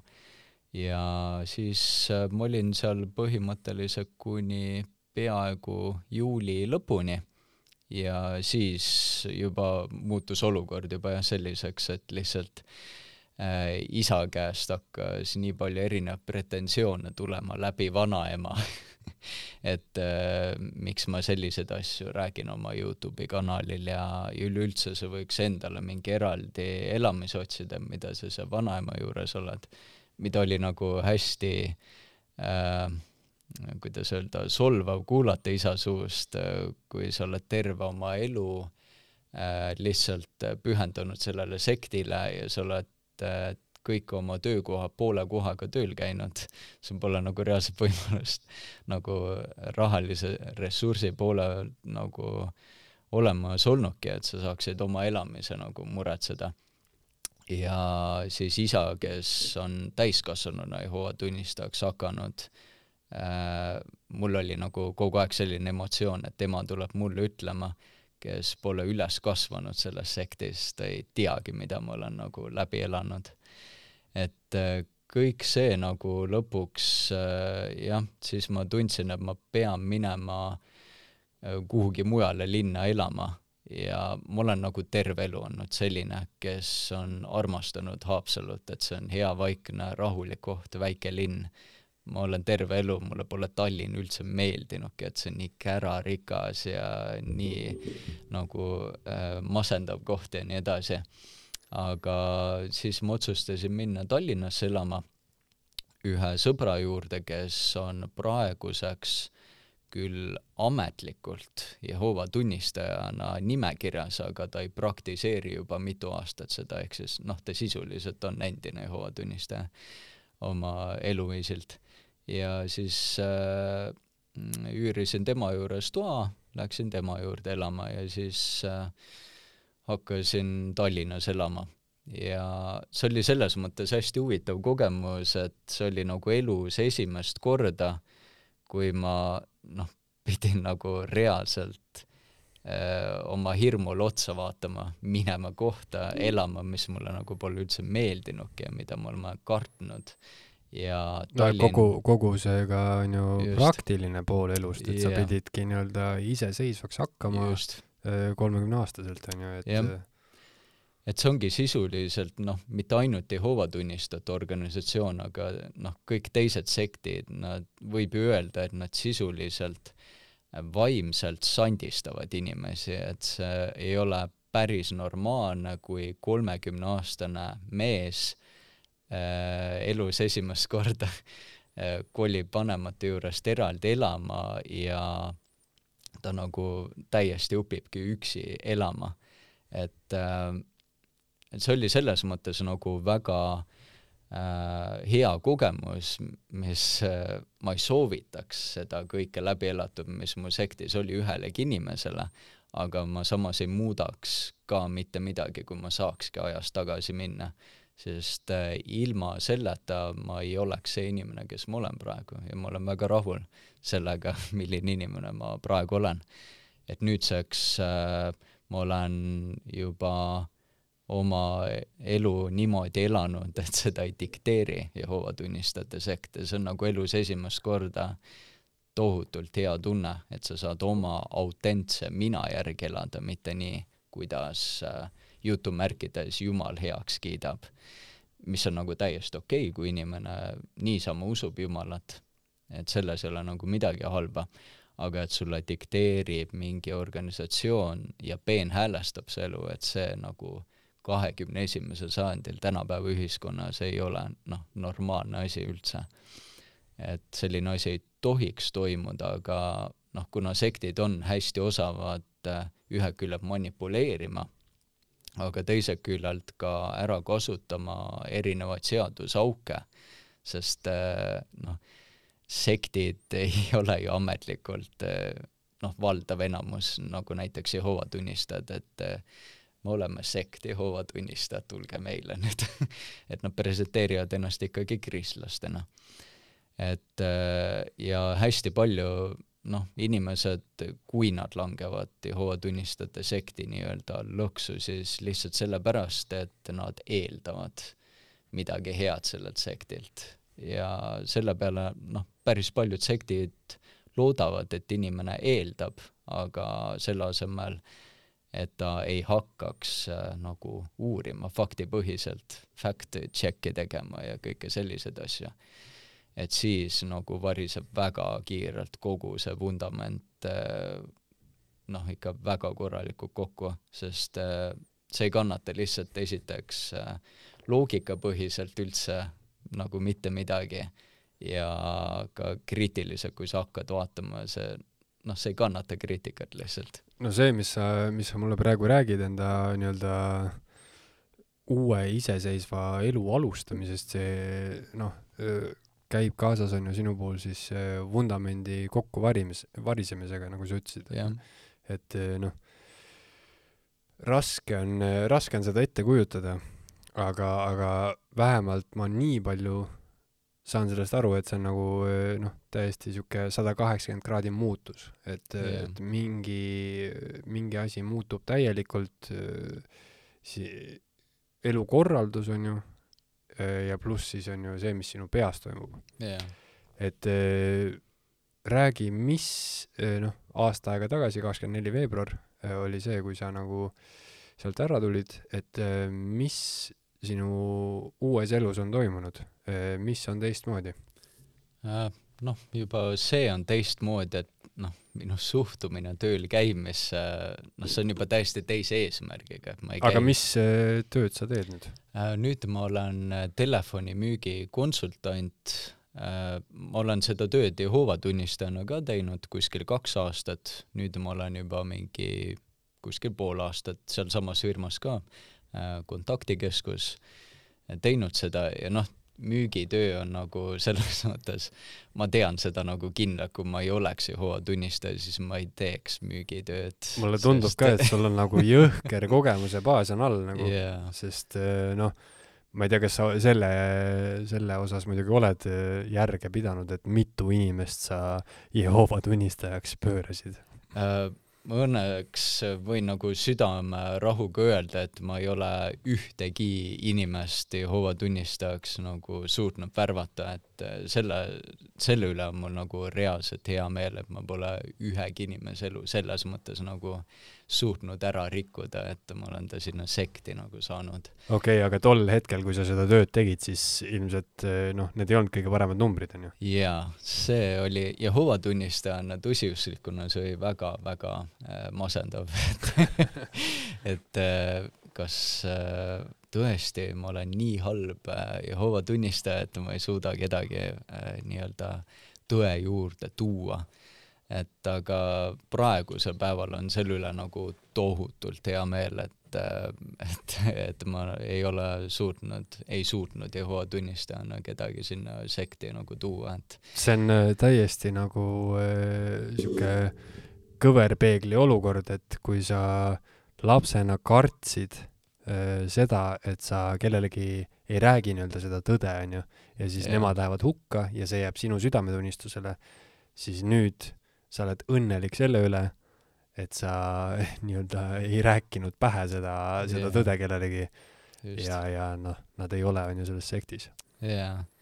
ja noh, üks selline, noh, ka selline suur muutus, mis äh, nagu on tänu sellele äh, saanud üldse võimalikuks, et ma tulin sealt sektist ära, noh, aasta tagasi, esimesel septembril, kui ma õhtusaate, siis otsesaates äh, mind intervjueeriti ka Jehova tunnistajate sekti teemal, siis see saade on iseenesest ka mu elu nagu tohutult palju muutnud, et tänu sellele saatele ma sain täiesti juhuslikult tuttavaks tänaseks päevaks siis oma kihlatuga ja seda ka täiesti noh, niimoodi tagantjärgi vaadates on see nagu, et äh, tõeline nagu juhuste kokkulangevus, kus äh, mu kihlatu nägi lihtsalt täiesti juhuslikku Facebookis mu õhtusaate intervjuu reklaami, lihtsalt tundis, et noh, vaataks huvi pärast. ja siis ta vaatas selle intervjuu lõpuni ja, ja millegiga ma avaldasin talle muljet ja siis ma vaatasin, ta oli mu aktivismi lehel ka mitmeid asju äh, seal like inud ja siis me hakkasime kirjutama ja saime siis ühel päeval ka kokku esimest korda, kui me olime jah, kuskil niimoodi kuu aega äkki juba kirjavahetuses olnud, siis saime juba kokku äh, esimest korda äh, Balti jaamas ja läksime vanalinna jalutama ja aga oli ta Jehova tunnistaja varasemalt olnud? ei, ei.? täiesti ilmalik inimene maailma inimene just, maailma inimene ja, ja siis noh, enne seda tegelikult, no õhtusaates oli ka sellest veidi juttu, et ma polnud ju mitte kunagi käinud äh, kohtamas kellegiga. ja noh, siis ma elus esimest ah, no, korda ühesõnaga sellest ma järeldan, et sa olid ka täielikult süütu. jah just. kolmekümneaastaselt. just, ja no, elus siis esimest korda äh,, praegu ma olen kolmkümmend kaks, siis kolmekümne ühe aastaselt siis esimest korda seksisin. et see on nagu selles mõttes noh, hämmastav tegelikult, kuidas mõni sekt võib inimese elu nii palju nagu muuta, et mitmed asjad, mida mõned kogevad ja teevad läbi, kahekümnendates ja võib-olla isegi nooremalt äh, avastad sa võib-olla alles kolmekümneaastaselt. aga ma ei võta seda kuidagi nagu negatiivse asjana, et see on noh, tegelikult põnev alles kolmekümneaastaselt nii mitmeid asju esimest korda nagu avastada ja teha, et selline kuidagi äh, kuidas öelda, lapselik äh, uudishimu paljude asjade vastu on nagu alles. et sa saad äh,, ma ei tunne, et ma teeks kuidagi nagu kaotatud aega tasa, aga elu on kuidagi palju põnevam tänu sellele äh, sektile. ma ei soovita seda mitte kellelegi, aga ma ei saa samas käitada, et see kogemus on väga palju nagu mu elus nii palju häid asju nagu toonud mu ellu. ja selles mõttes, kui mina kuulan sinu lugu, siis, siis see on üks väga omapärane tee, on ju, väga-väga nii-öelda ära määratud lapsepõlvest siis lõpuks selle hetkeni, kus noh, tegelikult sa oled äh, ikkagi, praegu võib vist öelda, et noh, enam-vähem üheksakümmend üheksa protsenti oma elust elanud nagu on ju ühe, ühtede arusaamade järgi ja nüüd sa oled nagu justkui üles ärganud sellest, sellest öö, valest, kus sa oled elanud, on ju. Yeah. ja, ja noh, kindlasti ma ei tea, kas kolmekümneaastasena süütuse kaotamine või noh, see selline valehäbi ei ole põhjendatud, sest äh, see on lihtsalt nagu väga-väga omapärane teekond. Yeah.. aga nagu ma aru saan, siis äh, ikkagi seks hakkas sulle piisavalt meeldima ja, ja, ja nüüd, nüüd te olete selle tüdrukuga kihlatud. jaa.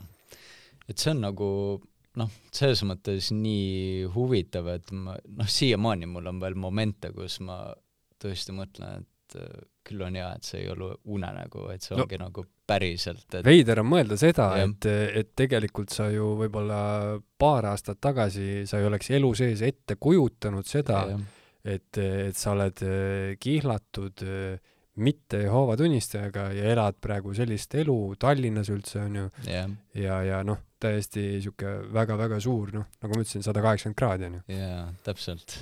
ja noh, see ongi selles mõttes mulle hästi palju nagu õpetanud ka seda, et eriti võib-olla seda on endise Jehova tunnistajana kuidagi kergem mõelda, et ükskõik mis nagu väljakutseid või probleeme nagu elus tuleb, et noh, ma olen sellest sitast läbi käinud, et et ma saan nagu muude asjadega ka hakkama, et kui ma suutsin nagu selle üle elada, siis äh, edasi läheb ainult paremaks. Ja see on nagu huvitav, et terve elu ma olen Jehova tunnistajana vaadanud probleemidele mitte kui väljakutsetele, vaid äh, alati on mingi probleem olnud nagu mingi maailma lõpu stsenaarium, et nüüd, nüüd on täiesti, täiesti halvasti kõik asjad, et kui ma nüüd seda korda ei saa või ma ei tohigi üldse eksida, sest muidu on see teine või kolmas asi et juba see ellusuhtumine, et kui on mingid probleemid, kõigil on neid ja loomulikult see ei ole meeldiv, kui mingid probleemid on, aga et see suhtumine, et äh, aga siit ma saan nüüd midagi õppida, ma saan siit äh, veel paremaks versiooniks iseendaks, et äh, see on nagu täiesti teine perspektiiv oma elule, et mitte vaadata probleemidele, et aa, nüüd on jälle mingi jama. et äh, elu on palju paremat väärt kui ainult jama jama otsa, et elu on tegelikult ikka tohutult äh, ilus ja see on elamist väärt. ja selle jaoks ei pea sektis olema, et äh, olla depressioonis või masenduses, on nii palju muid asju, mis, mille pärast inimene elu hammasrataste vahele jääb, aga see on juba äh, eraldi väljakutse, et äh, minna vastu nendele raskustele, alati on ju kerge lihtsalt käega lüüa ja lihtsalt öeldagi, et kõik on nii halb, kõik on minu vastu või ma ei saa see on hakkama. ka väga eestlaslik. jaa, täpselt, ja meile nii omane ka veel. ja noh, nüüd veel sügisel ka ja kõik koroona no, teema ja kõik nagu asjad, et et nagu nii kerge on hakata mõtlema niipidi, et noh, kõik on nii halvasti ja noh, ei ole mõtet nagu üldse pingutada ega üritadagi. aga see on nagu huvitav, et äh, nii nagu inimesega saab manipuleerida igasugu valesid talle tõe pähe äh, nii-öelda pähe istutada, siis me võiksime täpselt vastupidist ise teha. miks negatiivsust endale niimoodi lasta sisse, vaid ka positiivsust äh, niimoodi istutada endale? sest äh, miks ma pean tegema seda negatiivses võtmes, ma saan sedasama mustrit teises võtmes teha no Margus, nüüd ma näen sinu näost juba, et sa oled nagu ikkagi noh, mingi see täiesti ma ütleks, värsked silmad, eks ju yeah.. nagu sa ütlesid, et teatav selline lapselik huvi Just. ja, ja värsked silmad ja kõik see on juhtunud tänu sellele kogemusele, on ju, et yeah. nagu sa ütlesid ka, et sa midagi ümber ei vahetaks ja see ongi sinu elutee, on ju. aga mul on tegelikult selline, mul on umbes kolm küsimust veel, kas sa lubad mul teha ühe suitsu või Ikka. sa tahad tõmmata asja kokku? ei, me võime teha need kolm okay, küsimust aga siis täitsa. Äh, tule minuga alla kaasa, paneme vahepeal pausi, noh. just. nii, Margus, äh, mõned filosoofilised küsimused. kui sa astusid välja sellest sektist, siis äh, kui sa nüüd oled sellele tagantjärele mõelnud, on ju, et kas sa kaotasid usu või sa kaotasid usu selle sekti süsteemi vastu äh,? ma ütleks äh, mõlemat. noh, ma valetaks, kui ma ütleksin, et äh, äh, ma ei oleks usklik, kui ma poleks üldse kogu seda Jehoova tunnistajate äh, sekti kogemust läbi teinud. et võib-olla ma oleksin äh, midagi muud hakanud uskuma, aga ma selles mõttes äh, kuna ma olen agnostik, siis noh, ma päris niimoodi sada protsenti ei ütleks, et ma olen nüüd täielikult usu kaotanud. ma et mõtlengi ma, selle, selle ja, küsimusega seda, et, et kas äh, sa kaotasid igasuguse usu nagu äh, Jumala vastu või, või sa kaotasid selle süsteemi vastu pigem? Äh, pigem ikkagi süsteemi vastu, ma seda ei välista küll, ma olen suhteliselt veendunud, et mingi, ma vähemalt sõnastan seda nii, et äh, kohe kindlasti on mingi kõrgem eluvorm inimesest olemas, aga see, mis kujul või mismoodi ta on, kas nimetada teda Jehovaks, Jumalaks ja, või tulnukaks. või tulnukaks või mis äh, roll või nõudmised tal inimestel ja inimkonnal on ja kas üldse on tal nagu sooja või külma inimestest, et see on minu nagu lahtine ja ma nagu ei tunne, et mu elu oleks kuidagi nüüd, jääb elamata, sellepärast et ma ei tea seda et ma olengi õppinud nagu rohkem äh, ütlema, et ma ei tea, aga kui ma saan teada, siis, siis on ka tore. aga seni ma elan edasi ja ma õpin ja muidu ma ei saa teada. no tundub jah, et, et sa oled kuidagi äh, hakanud rohkem võib-olla küsimusi siis esitama, eks ju yeah., et ja noh, küsimusi, millele võib-olla tõesti ei ole vastuseid, et mm või vastus ongi see, et ma ei tea, onju. aga mis sa näiteks äh, praegu, praegusel eluhetkel arvad, mis sa juht-, mis sa arvad, mis juhtub pärast surma? ma ise olen seda mõelnud niimoodi, et äh, ma võtan pigem seda nii, et praegune elu ongi see, nagu see on, aga kui on elu pärast surma, siis mul ei ole selle vastu mitte midagi et mis mul nagu selles mõttes ise, ma isiklikult tunnen, et kui ma elaksin nagu sellise mõttega, et äh, on midagi veel paremat pärast seda elu, et ma tegelikult hellitaksin kogu aeg sellist lootust või elaksin sellise suhtumisega, et see ei ole ikka päris see, see elu, mis ma elan. et ma naudin seda elu täiel määral ja elan tänases päevas ja mul ei ole selle vastu mitte midagi, kui isegi on elu pärast surma. see on täielik boonus mulle ainult. mis sinu äh, kihlatu sellest äh, teemast arvab, kuidas ta suhtub sinu minevikku äh,? ta suhtub selles mõttes väga uudishimuga. noh, loomulikult me iga päev ei räägi Jehoova tunnistajate sekti teemast, mul läheb vahest lausa nädalaid, kui ma isegi väga ei mõtlegi Jehoova tunnistajate sektile.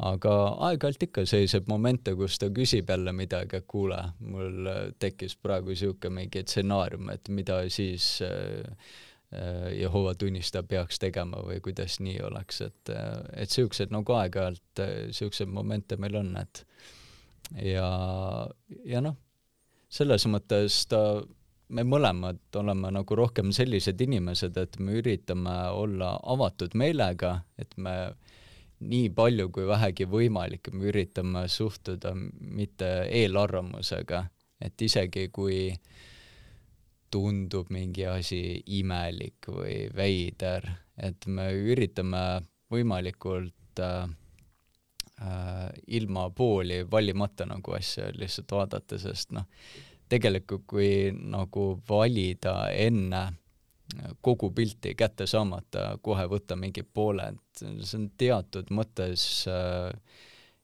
noh, võiks öelda hirmus kinni ka teatud määral, sest me kardame mingeid teatud vastuseid, aga kui ma eos juba valin endale mingi vastuse või seisukoha ära, siis, siis ma kuidagi saan põgeneda selle olukorra eest.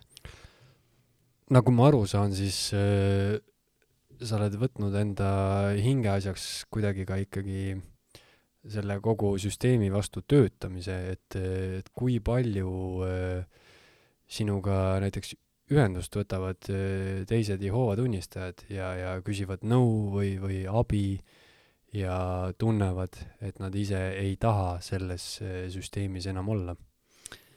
Äh, nüüd on seda harvemaks jäänud, aga ei lähe ühtegi kuud mööda, kui ikka mitmel korral keegi võtab ühendust Jehoova tunnistajate sektist ja on ka selliseid kontakte, kus mõni endine Jehoova tunnistaja võtab ühendust aga ta ei ole noh, näiteks saanud äh, kontakti ühegi teise endise Jehova tunnistajaga, kuna mu nimi on lihtsalt nii palju meediast läbi käinud, siis äh, on kohe nagu kergem minuga ühendust võtta ja, ja hästi lahe on nagu seda märgata olnud, kus nii mõnegi inimese olen saanud teha tuttavaks teiste endiste Jehova tunnistajatega, et ta ei tunne ennast äh, sellises olukorras, et äh, inimesed ei saa temast aru või noh, see on ikkagi hästi ainulaadne olukord, mis inimene nagu on läbi teinud endise hooajatunnistajana. Ja see on täiesti nagu arusaadav, äh, et paljud ei suhestu sellega või ei saa sellest aru. et aga kui sul on see võimalus, et sa saad äh, jagada neid kogemusi samade inimestega, kes on täpselt sedasama läbi elanud, et äh, see on nagu näha, inimene saab selle teema endale ka kuidagi lukku panna. Kas sellist äh, maffiaefekti ei teki, et äh, tuleb näiteks äh, pimedal tänaval grupp Jehova tunnistajaid, kes tahavad äh, sulle tappa anda ei, seda, seda ma ei karda, et äh, seda võtavad Jehova tunnistajad siiski väga tõsiselt, et elu on äh, püha, isegi äh, Äh, aga üldiselt sind äh, ikkagi ju siis äh, peetakse reeturiks või, või ja. mis see tagasiastuja või taganeja minu... või mis see sõna oli, onju? jah, ärataganeja. ärataganeja. minu maine ongi üldiselt selline, et see on tegelikult kõige halvem asi, mida sa saad teha Jehova tunnistajana, et sa lähed ära sealt sektist ja ja siis hakkad veel sitta rääkima, rääkima. et see on nagu kõige halvem asi, mida nagu üldse võib inimene teha. aga praegusel hetkel, kas sa enda vanematega suhtled mm,? ei, ma mingi aeg üritasin ühendust võtta, aga, aga jaa, ei, nendepoolset suhtlust ei ole üldse. ja noh, mina olen selle teema selles mõttes enda jaoks nagu lukku pannud, et ma keskendun oma pere loomisele ja ma võtan seda lihtsalt sellena, et see on nende kaotus ma loomulikult olen neid alati valmis äh, vastu võtma, kui nad tulevad sealt sektist ära, nad on valmis minuga suhtlema. Nad isegi võivad olla Jehova tunnistajad edasi, kui nad tahavad. ja nad on valmis minuga suhtlema. minul ei ole selle jaoks mingit probleemi. aga kuna ma tean, et niikaua, kui nad on Jehova tunnistajate sektis, siis isegi kui nad mingil hetkel Jehova tunnistajatena üritab minuga ühendust võtta, siis ma tean, et see on alati selle tagamõttega, et kuidagi mind sinna sekti tagasi saada või mõjutada mind kuidagi. Et see ei ole noh, selles mõttes isiklik huvi. aga kui sa, kui sa tihti me kasutasime sõna, on ju, et Jehova tunnistajad teavad ainukest tõde ja, ja teised, teised religioonid seda ei tea, et eh, nüüd võib-olla, kui sa tunned, et sa ise oled mingisuguse tõe teada saanud, et kas sul ei teki sellist efekti, et eh, sa annaks endast kõik, et eh, näiteks enda lähedased sellest sektist välja tuua? Ma ei tunne seda vajadust, sest või see on lootusetu missioon äh,? ma ei võta seda päris lootusetu missioonina, aga ma võtan seda rohkem nii, täpselt nii, nagu minu kogemus ka oli, et äh, sa võid ükskõik kui palju nagu üritada inimest sektist välja saada, aga sellest ei ole äh, noh, kunagi kasu, kui inimene ei ole valmis ise äh, vaatama äh, tõele näkku. Et kui inimene selleks valmis ei ole, siis äh, ta ei tule sealt kunagi välja ja mina olen alati telefonikõne kaugusel, kui neil on mingid kahtlused, siis nad saavad alati mu poole pöörduda, et selles mõttes ma hoian need uksed alati lahti, aga nemad peavad selle esimese sammu tegema. ma võin teoreetiliselt nendega võtta ühendust ja kõike, aga kui nad on selles äh, seisundis, et see on tõde, mis neil on, siis äh, noh, see ei vii kuhugi no kui äh, nüüd peaks äh, juhtuma see, et mõni Jehova tunnistaja kuulab seda podcast'i, siis mis sa soovitaks neile inimestele või, või mis sa soovitaks inimesele, kellel on kahtlus selle, selle maailmavaate osas või, või selle süsteemi osas võib-olla täpsemalt mm? -hmm. Ma ütleksin talle seda, et kui tal on kõige tähtsam tõde, siis äh, ta ei peaks tegelikult mitte midagi kartma, sest äh, ka meile väikses saate Jehova tunnistajatena õpetati, et me peame alati seisma tõe eest. ja see on kõige tähtsam, et tõde on kõige tähtsam. ja kui sa tunned hirmu, siis selleks ei ole tegelikult mingit põhjust sest tõde kannatab alati kriitikat, ta ei põgene kriitika eest ja tõde ei ole vaja kaitsta. see on huvitav, et Jehova tunnistajate juhtivkogu kasutab just seda väljendit, et meil tuleb tõde kaitsta alati.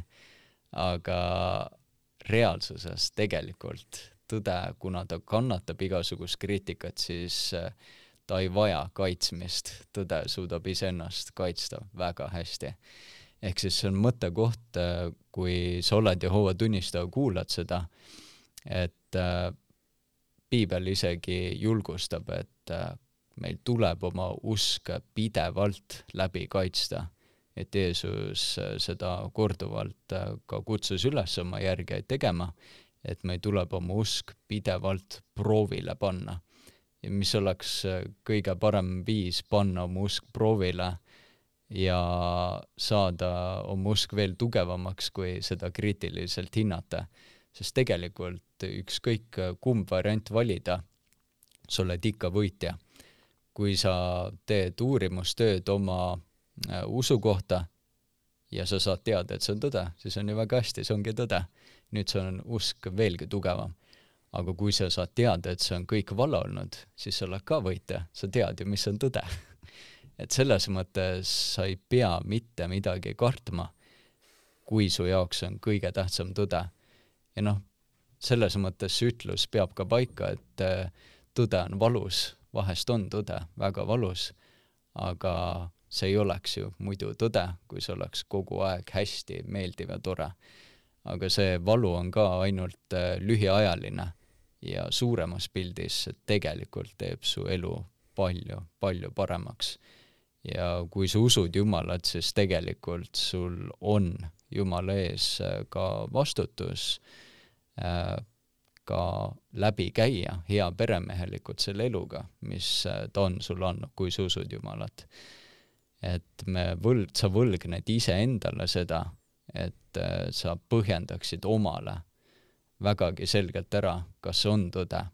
ja kui sa saad teada, et see ei ole tõde, siis sa võlgned eelkõige iseendale seda, et sa teeksid seda, mis on vajalik, kui sa oled saanud teada, mis on tegelikult tõde ja mis on tegelikult vale sind täna kuulates, siis äh, tõesti mulle tundub, et, äh, et tegemist on äh, täieliku sektiga ja, ja inimene, kes võib-olla on selles sektis ja seda kuulab, siis nagu sa ka praegu rääkisid, et et see ju ei tähenda, et, et ma pean kuidagi jumalasse uskumise ära lõpetama, vaid, vaid on ju võib-olla see organisatsioon, kus ma seda usku usun ei ole võib-olla kõige parem, onju.